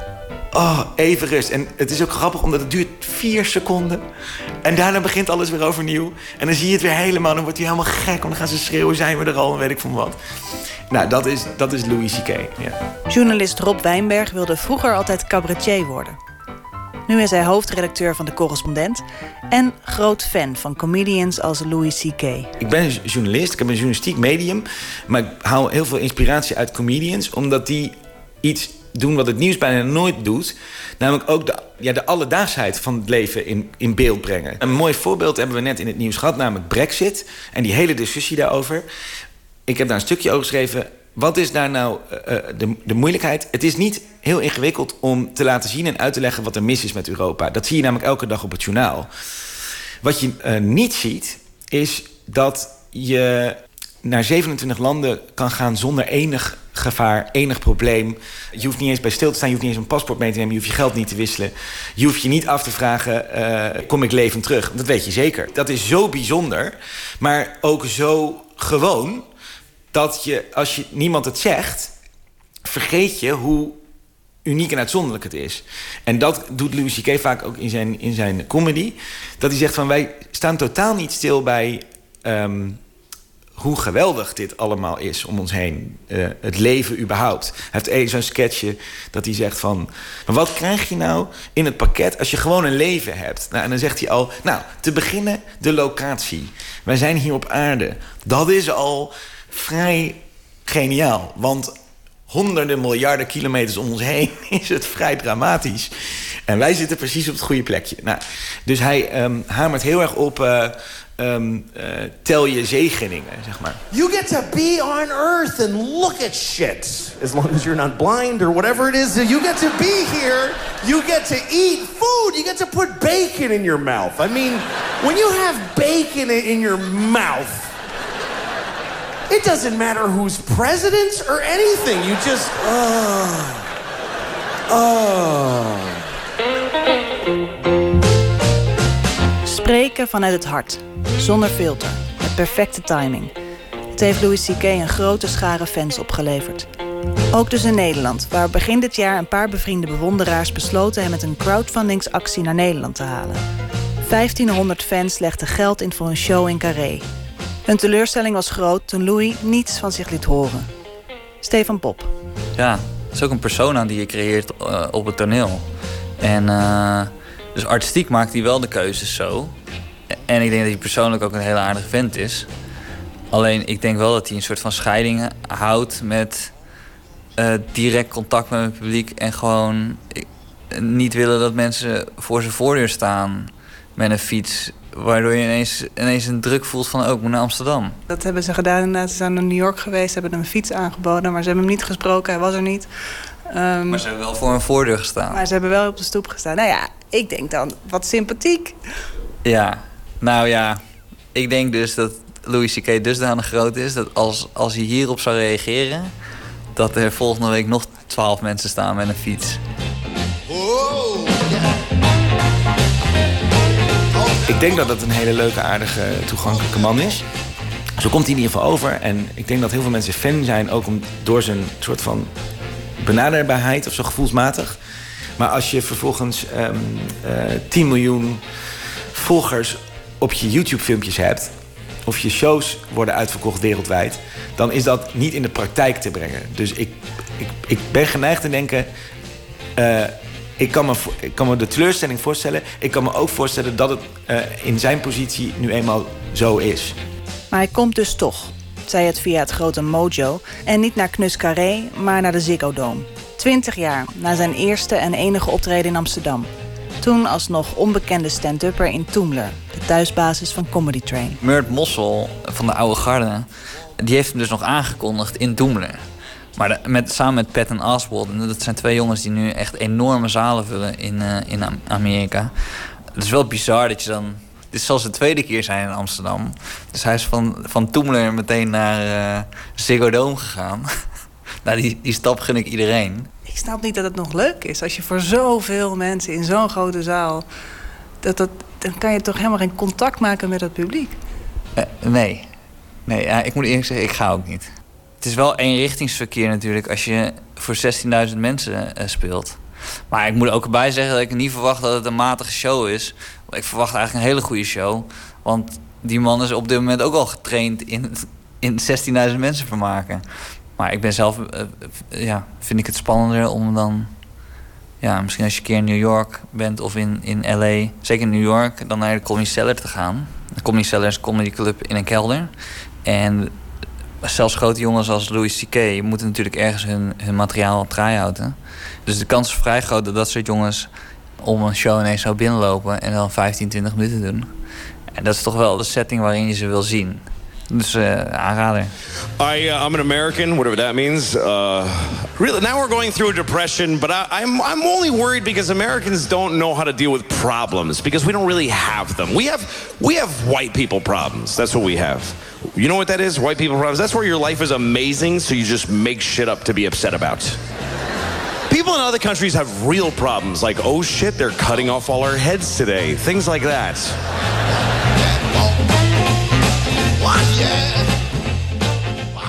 Louis C.K. op 16 augustus in de Ziggo Dome dus. En er zijn nog kaarten. En als je misschien wel de volgende Louis C.K. aan het werk wil zien... dan kun je ook tot 8 augustus naar Toomler... naar het Comedy Train International Summer Festival... waarvoor Stefan Pop comedians uit Australië, Ierland, Amerika... en Engeland naar Nederland haalt. En u hoorde een reportage van verslaggeefster Eliane Meijer. Two,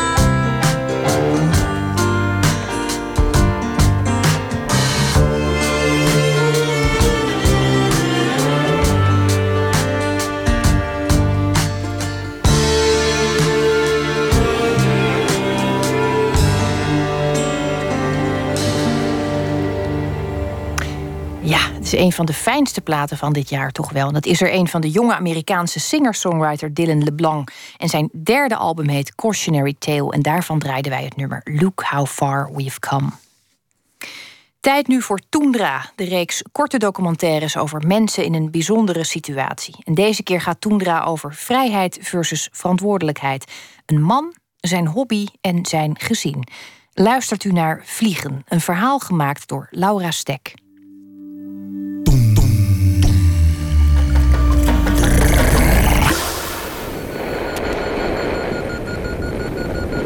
Je vliegt letterlijk in de nabijheid van vogels. Kijk je aan in een thermiekbel, dan zit je op eh 10 meter afstand van ze vaak.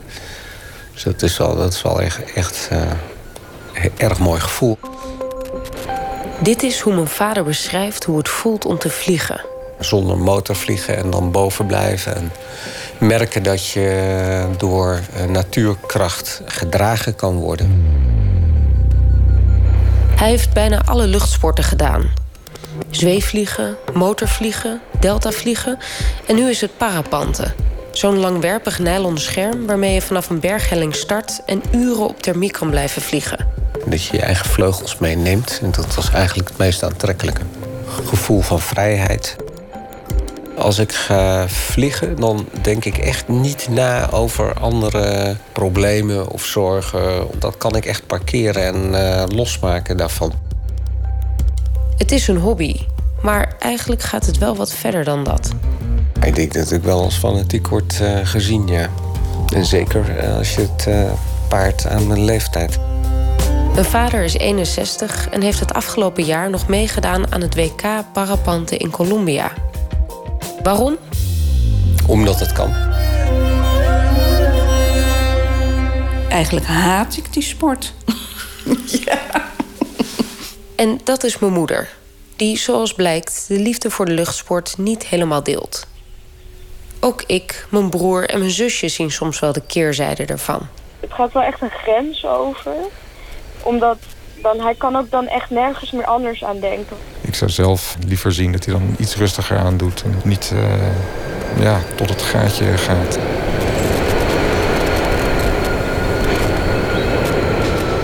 Voor mijn vader begon het vliegen met de klassieke jongensdroom. Geen brandweer of politie, maar piloot wilde hij worden. Nou was dat in mijn geval eigenlijk al heel snel duidelijk dat dat nooit ging gebeuren. Want eh, toen ik een jaar of vijf, zes was, toen eh, kreeg ik een bril aangemeten. Toen ik zag voor het eerst grasspedities. Niet tevoren alleen maar als groot groen vlak zag. Dus ik had een enorme bijziendheid. Toch kiest hij de weg van de meeste weerstand. Want als het niet professioneel kan, dan kan het misschien wel recreatief. Op een gegeven ogenblik in Nijmegen, toen ik 14 was, ben ik gekeurd voor zweefvliegen. En dat mislukte eigenlijk. Ik kon was te slecht. Met min 6, min 7. Dus dat, daar, later bij de keuring in Arnhem ben ik daar tussendoor gegaan. En ben ik uiteindelijk wel uh, goed gekeurd voor zweefvliegen. Want mijn vader is een gedreven persoon. Daarnaast was het zo dat ik op middelbare schooltijd uh, eigenlijk het niet super makkelijk had. Ik voelde me nooit echt super op mijn gemak. Waarom niet? Ik denk dat het zo is dat ik me toch te weinig opgewassen voelde tegen de kinderen om me heen. Ik was ook letterlijk klein. Met zweefvliegen, ik kon het goed. En uh, ik voel me op mijn gemak daardoor ook. Dat, dat je er invloed op kan uitoefenen. En dat je het in de, in de hand hebt. En op school was dat veel ingewikkelder.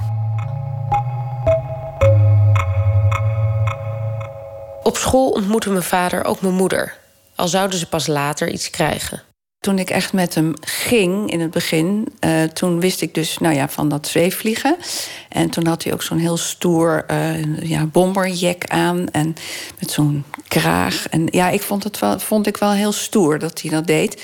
En ik ben ook één keer dus met hem mee geweest in het vliegtuig. Ja, dat weet ik nog heel erg goed.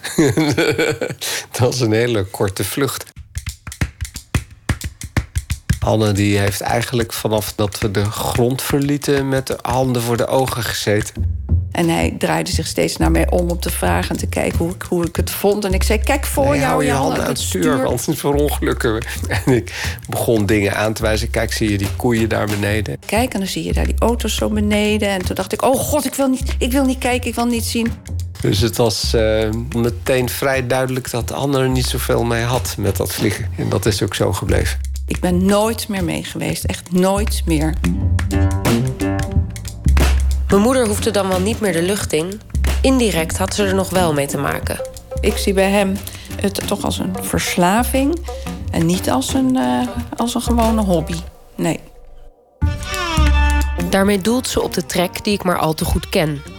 Zijn gefocuste blik op de kaart, de constante updates over de weersomstandigheden en zijn gemoedstoestand als het niet vliegbaar is. Je ziet ook echt uh, hoe zijn uh, gelaatsuitdrukking verandert. We waren in Sicilië in de auto en hij zat alleen maar naar de lucht te kijken. Alleen, en één stuk door, omdat hij één dag niet mocht vliegen. Je ziet hem naar de lucht kijken en je merkt dat hij zich meteen verplaatst daarheen. En toen kregen we dus bijna een auto-ongeluk. ja. Wij waren op een eh, camping en jullie waren nou, kleine kinderen. En hij had uitgezocht, zoals hij elke vakantie altijd uitzocht, waar kan ik vliegen. En uh, ik denk van nou, hij komt s'avonds terug. Het werd een uur of vijf. En hij was dus ochtends al heel vroeg weggegaan. Hè? Het werd een uur of vijf, dus zou papa komen. Nou, laten we eens even op het weggetje kijken. Zeven uur, acht uur kinderen in bed gelegd, weer naar het weggetje gelopen, op en neer gelopen. Ik weet nog heel goed dat ik er op en neer liep. Ik dacht, hij moet, moet hem toch in de verte aanzien komen. Hij kwam niet, hij kwam niet. En om tien uur was ik zo radeloos angstig dat ik naar de eigenaar van de camping ben gegaan en daar ben ik gaan bellen. Die mensen hebben gebeld met het vliegveld waarvan ik dacht dat hij daar gevlogen had.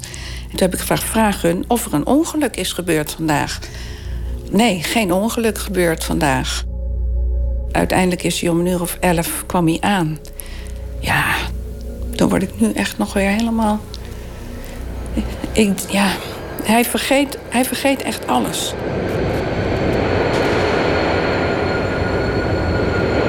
Wat denk je dan? Uh, het voelt natuurlijk niet goed. Maar aan de andere kant trok vliegen natuurlijk ook zodanig dat het ook heel lastig was om het niet te doen. Vind je het een verslaving bij jezelf? Ja, er zit beslist iets van verslaving in. Eigenlijk is het nooit genoeg. Het kan altijd meer. Maar je wil niet in rehab. Ik bedoel, je wil er niet vanaf ook. Nee, omdat dat natuurlijk inderdaad ook een hele aantrekkelijke kant heeft. Een van die aantrekkelijke kanten is dat mijn vader op de prachtigste plekken komt. Hij zag de Zuid-Afrikaanse tafelberg van boven, zweefde over de Australische Outback, hing boven de Grand Canyon en vertrok, zoals gezegd, afgelopen jaar naar Colombia voor het WK. Ik had veel gevlogen dat jaar en ook wel vrij goed gevlogen in eerdere Europese wedstrijden. En het kwam zo uit dat uh, ik daar naartoe kon. Hij had heel erg van dat wedstrijdelement, waarbij het echt om snelheid gaat. En je dus uh, met het snelste scherm, die per definitie ook het gevaarlijkste zijn, de beste punten scoort. Uh, dus dat levert per definitie meer gevaren op. In de loop van mijn hele vliegcarrière heb ik natuurlijk heel veel mensen zien verongelukken en heel veel uh, ongelukken zien gebeuren. Een ongeluk loopt meestal echt meteen slecht af. Mijn vader had nog nooit een vliegongeluk gehad. Maar in Colombia gaat het mis. Ineens kreeg ik een uh, sms van... Uh, ik heb, uh, geloof ik, mijn enkel gebroken. Het voelde meteen dat het niet goed was. Toen kreeg ik vervolgens een tweede sms. Die was er wat minder onschuldig. Van nee, ik heb toch wel mijn onderbeen gebroken... en ik ben nu op een, met een truc op weg naar een ziekenhuis. Ja, dat was hels. Uh, een paar helse dagen doorgebracht daar. Een eerste hulp op een uh, brancard die een beetje in een hoekje stond. Uh, ik kreeg verschrikkelijke telefoontjes s'nachts... omdat hij op een gang lag met bebloede lakens... dat niemand naar hem omkeek, dat de mensen doodgingen. Ik zat letterlijk tussen de stervende en de barenden. En dat, dat hij nog geen arts had gezien. En zonder goede pijnstilling, want ze zijn daar wel wat gewend. Ja, want ik weet nog dat je me belde en gewoon echt letterlijk iets zei van... ik ga dood. Ja, nou in ieder geval was de pijn zodanig dat ik dacht van misschien liever dood dan dit. Omdat vlak na zijn doodskreet de telefoon uitviel, wisten we niet of het letterlijk of figuurlijk bedoeld was. We zochten naar telefoonnummers van ziekenhuizen in de regio, belden met weinig meelevende verzekeringstypes en keken naar tickets. Maar een tocht naar de binnenlanden van Colombia duurde precies 49,5 uur. Ik schrok me natuurlijk rot uh, die nacht uh, met het op en neer bellen. En dat toen we hem niet konden bereiken, dat was uh, verschrikkelijk. En ik heb toen ook zeker wel gedacht ja, dat het misschien toch niet verstandig is om op dit niveau en op zo'n plek te vliegen. Mijn broer praat deels vanuit zijn eigen ervaring. Ook hij heeft gevlogen. En ook hij merkte dat het mis kon gaan. Ik heb een, zelf een ongeluk gehad in, uh, in Nederland aan de duinen, eigenlijk vlak boven de grond. Wat op een bepaalde manier gevaarlijk is, omdat je zo dicht bij de grond zit dat je geen tijd hebt om te herstellen. En daarmee heb ik toen een aantal rugwervels gekneusd. Dus uiteindelijk nog uh, goed afgelopen, maar dat was wel een uh, ja, flinke schrik. Maar voor de rest van de familie speelt zijn latere ongeluk een grotere rol. Tijdens het zoeken naar een goede parapandplek in Kroatië stapte hij op een landmijn. Hij verloor zijn onderbeen. We weten allemaal de telefoontjes en de gemiste oproepen nog. En dat willen we niet meer. Dat je weer denkt: oh mijn god, daar gaan we weer. In een buitenland waar ik niet naartoe kan. Dit weer.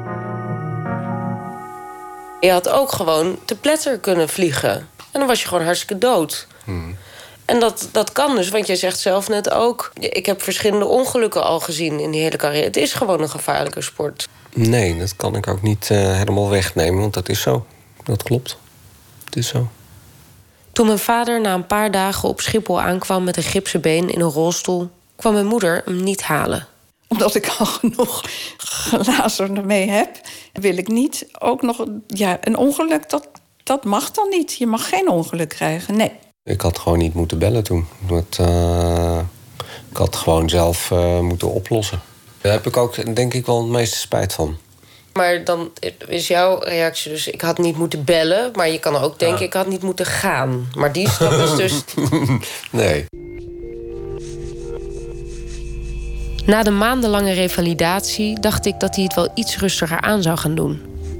Hij verkocht zijn snelle vlieger maar al snel daarna vertrok hij wel naar Macedonië voor een nieuwe wedstrijd. Ik voel me niet anders met vliegen. Tegendeel. Omdat het voor mij, dat breken van dat been, niet eens zo met vliegen te maken heeft, maar meer met het algemene gevoel van kwetsbaarheid. Dus ik sta nu langer te wachten voor het fietsersstoplicht. Uh, maar ja, wauw. Ik zou ook heel graag gaan vliegen in de Himalaya, Tibet en Nepal. Maar als wij collectief zouden zeggen dat willen we niet, dat jij dat doet, dan doe je het niet. Ik denk als jullie dat heel hard zouden zeggen, dan zou ik het, zou ik, zou ik, zou ik het niet doen, inderdaad. Maar jullie zeggen dat niet, omdat dat, je weet dat dat mij heel erg raakt als, ik dat, uh, als jullie dat zouden zeggen. Volgens mij heet dit emotionele chantage. Maar hij heeft gelijk. We zullen dat niet zeggen. Om verschillende redenen. Ik kan alleen maar zeggen, ik, ik zou het niet doen. Maar ik ga niet een volwassen man zeggen van je mag dat niet doen. Nee, dat ga ik niet zeggen. Ja, het is natuurlijk ook wel heel, heel stoer dat hij dat doet... en dat hij iets heeft gevonden wat hij echt zo leuk vindt. Het is een heel wezenlijk onderdeel van mijn leven. Dus het, dat zou een grote opoffering zijn, ja.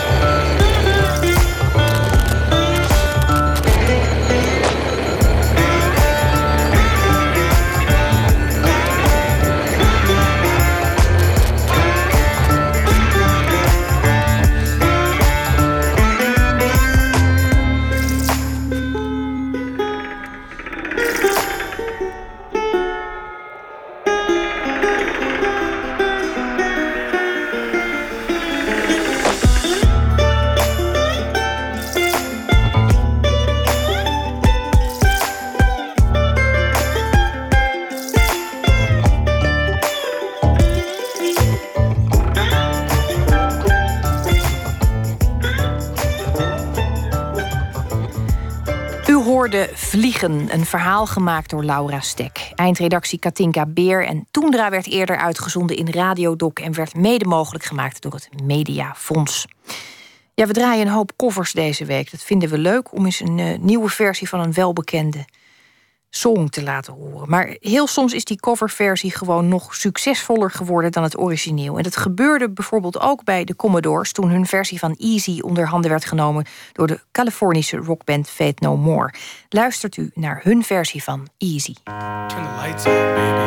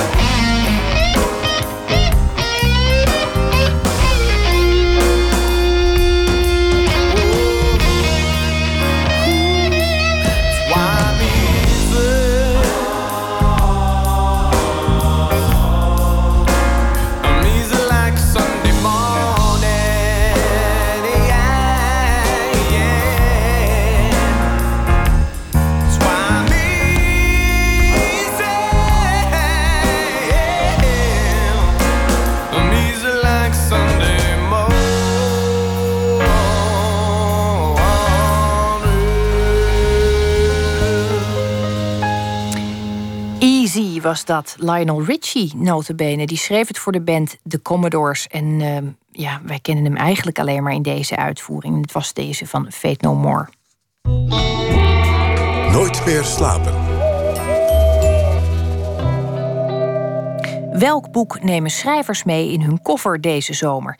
Deze week vertellen vijf schrijvers in Nooit meer slapen wat zij lezen onder de parasol. En vandaag Abdelkader Benali. die op het moment eigenlijk alleen maar tijd heeft voor korte verhalen.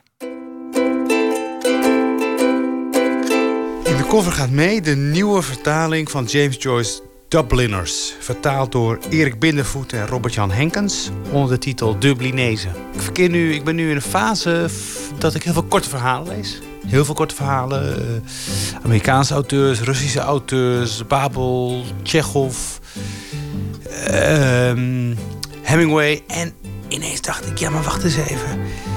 Eh, James Joyce heeft eh, ook hele mooie korte verhalen geschreven. Of, eh, en, en, en, en- zijn beste verhalen staan in Dublinezen. En er is een nieuwe vertaling uit. Van dat vertalersduo. Binnenvoet en Jan Henkens. En dacht, nou, het goed moment. Het is eigenlijk een beetje toeval. Het is eigenlijk toeval. Puur toeval. Er is een goede reden dat Abdelkader Benali op het moment vooral korte verhalen leest. Waarom had je dat nu gelezen? Hij heeft gepoept. En wil je daar aan? Zijn dochter is negen maanden oud, vraagt de nodige aandacht, maar zorgt ook voor extra leesplezier. dat ze er is, is, is eigenlijk heel prettig voor mij als lezer. Want ik, ik pas vandaag op. En het moment dat ze slaapt, kan ik wat doen. En ik kan eigenlijk maar twee dingen doen. Of lezen of schrijven. Dus ik moet de tijd die ik heb, die ze me gunt, moet ik echt meteen goed gebruiken. Dus de, het, het- kind maakt het lezen ook wel een stuk urgenter. Eh, zij slaapt en dan ervaar ik een, een heerlijke leesstilte. Het is eigenlijk, eh, in de stilte van het slapende kind lees je het best. Dan word je ineens bewust van, hé, hey, ik heb die tijd en nu moet ik hem goed eh, gebruiken. de, de stem van het kind gaat liggen. En daarna voel je de stemmen van de personages in de roman die je leest opkomen. Heel helder. Heel individueel ook. Ehm, mooie zinnen blijven ook echt hangen. Ehm, dat komt omdat ehm, zo- zo'n kind, en dan, als, ze dan, als ze dan helemaal slaapt... Ja, op het een oase van rust. Waar je echt... eh, het zijn eigenlijk mini-vakanties.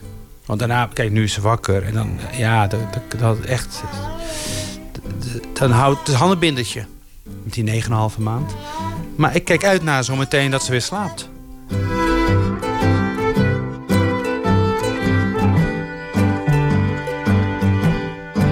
Is gek, gek dat ik heb wel goede herinneringen aan zomerlectuur. En een van de meest bijzondere ervaringen die ik had met zomerlectuur was proefs lezen in de zomer. Ik heb ooit eh, eh, De Kant van Swan, eh, het tweede of derde boek, dat is, dat is, niet zo heel, dat is eigenlijk een novelle, een roman op zich. gaat over de liefde van, van, een, van, een, van een edelman voor een heel eenvoudig meisje, Odette. En dit- het meisje recht hem te gronden. En dat heb, dat heb ik gelezen in een, in een zomer. eh, dat mijn broer zijn been had gebroken. Zijn, mijn broer had zijn been gebroken vlak voor vakantie. Kon geen kant op. En ik moest, op, ik moest voor hem zorgen. En hij zat op de bank met het gebroken been. En ik zat tegenover een proef te lezen. Oh, sorry, schatje. Hier. Ik ben blij dat je niet meer kucht. Het is een beetje ziek. Goed zo.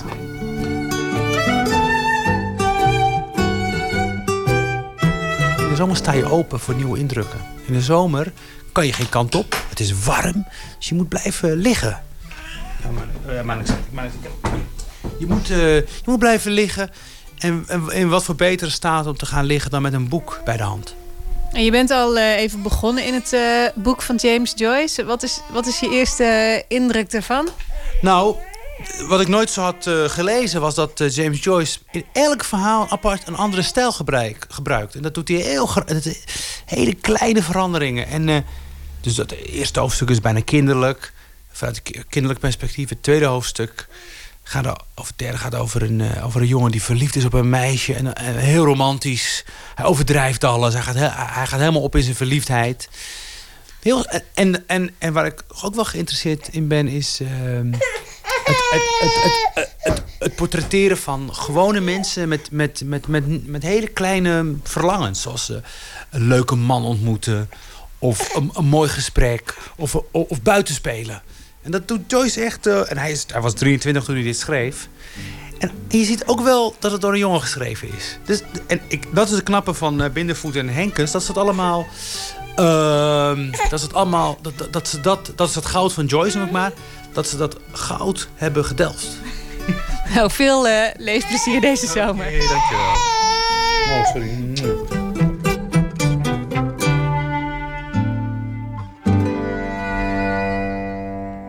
Abdelkader Benali hoorde u over Dublinezen van James Joyce en zijn prachtige dochter Amber op de achtergrond. Een bijdrage was dit van Inge Terschuren. Johnny Taylor was een Amerikaanse zanger, een goede vriend van Sam Cooke, die in zijn jonge jaren natuurlijk als gospelzanger begon, maar net als Cooke overschakelde naar de soul. En zijn muziek leverde hem de bijnaam The Philosopher of Soul op. Hier is hij met een bluesy nummer uit 96 van zijn album Good Love met Last Two Dollars.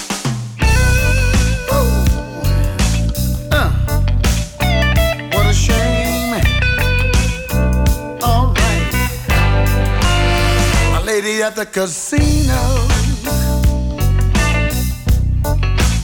She lost all her money. She said, Don't feel sorry for me. No. Don't feel sorry, honey. But if you wanna do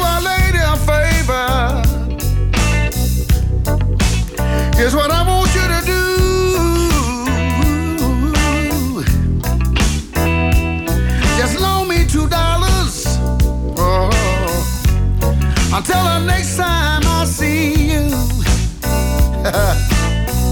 but these last two dollars, I'm not gonna lose. These last two dollars, I'm not gonna lose. One going for my bus fare, other one for the jukebox to hear me some blues. Gotta hear me some blues. She said I wouldn't be over here. My man had been treating me right. I came here to try to catch him, yeah. Cause he been sneaking around every night. But I got caught up over here, yeah. Got caught up in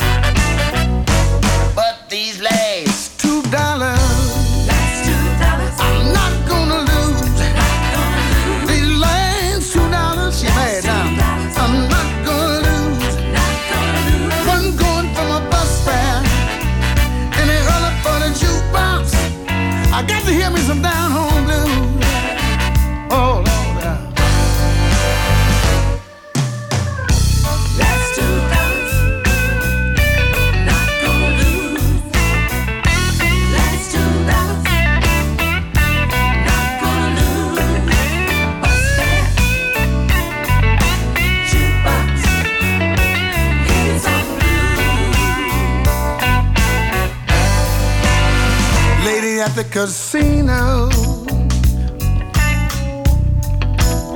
Lost all the money, yeah. She said, Don't feel sorry.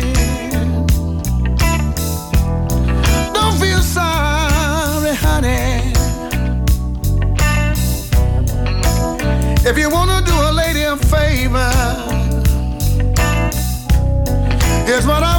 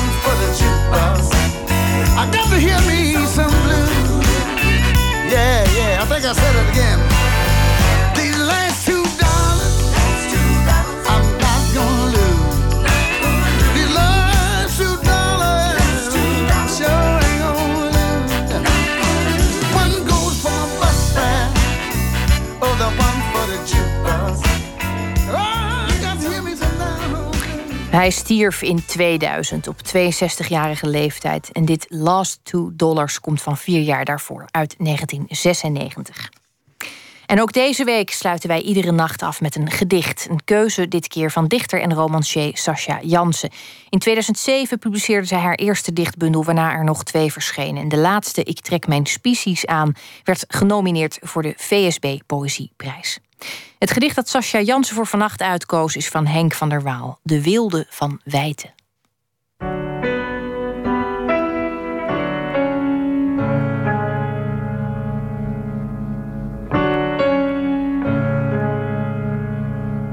Het gedicht dat ik lees is van Henk van der Waal. Het komt uit de bundel In de ogen van de God. Het heeft geen titel en het is verschenen in de reeks De Weelde van Wijten. En voor mij zegt het gedicht dat wanneer alle houvast uh, weg is, ook het houvast dat losstaat van de buitenwereld, dus het houvast in jezelf, dat dan het denken, en hij noemt dat het zachte geweld van het denken, je weer verbindt met jezelf, waardoor je weer wijd bestaat. Los van dat denken dat je weer terugbracht. En voor mij is dat een troost. De wilde van wijten. Het kan gebeuren dat je een moment niet om je heen bent gekeken, of aan bent gestoken, of op bent gerekt door de bezoedeling van de medebewoners. Of in bent gesnoerd in de luxe van je reputatie. En dat je een tijdje uit bent geschald en weg bent gewerkt in de afgrond die de spraak niet ophoudt in je uit te spreken. Wat jou ertoe aan kan zetten, toevlucht te zoeken tot het zachte geweld van het denken. Dat met stokoude vingers de barst in je beslommering uitkrabt en dichtsmeert. Door je te wikken en te wegen in de drap van je heugen en door je schamele kennis en gebrekkig inzicht te binden aan het fale licht dat schijnt uit wat je is ontstegen. En stevast de weelde van wijten in je wekt. U hoorde Sascha Jansen met een gedicht van Henk van der Waal.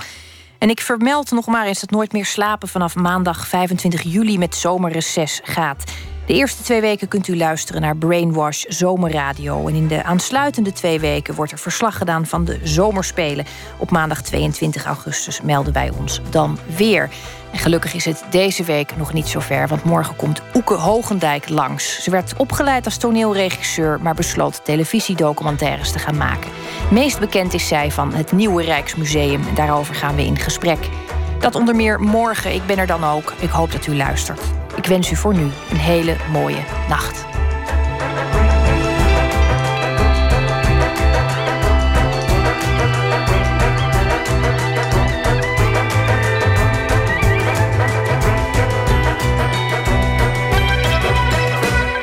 Op Radio 1, het nieuws van alle kanten.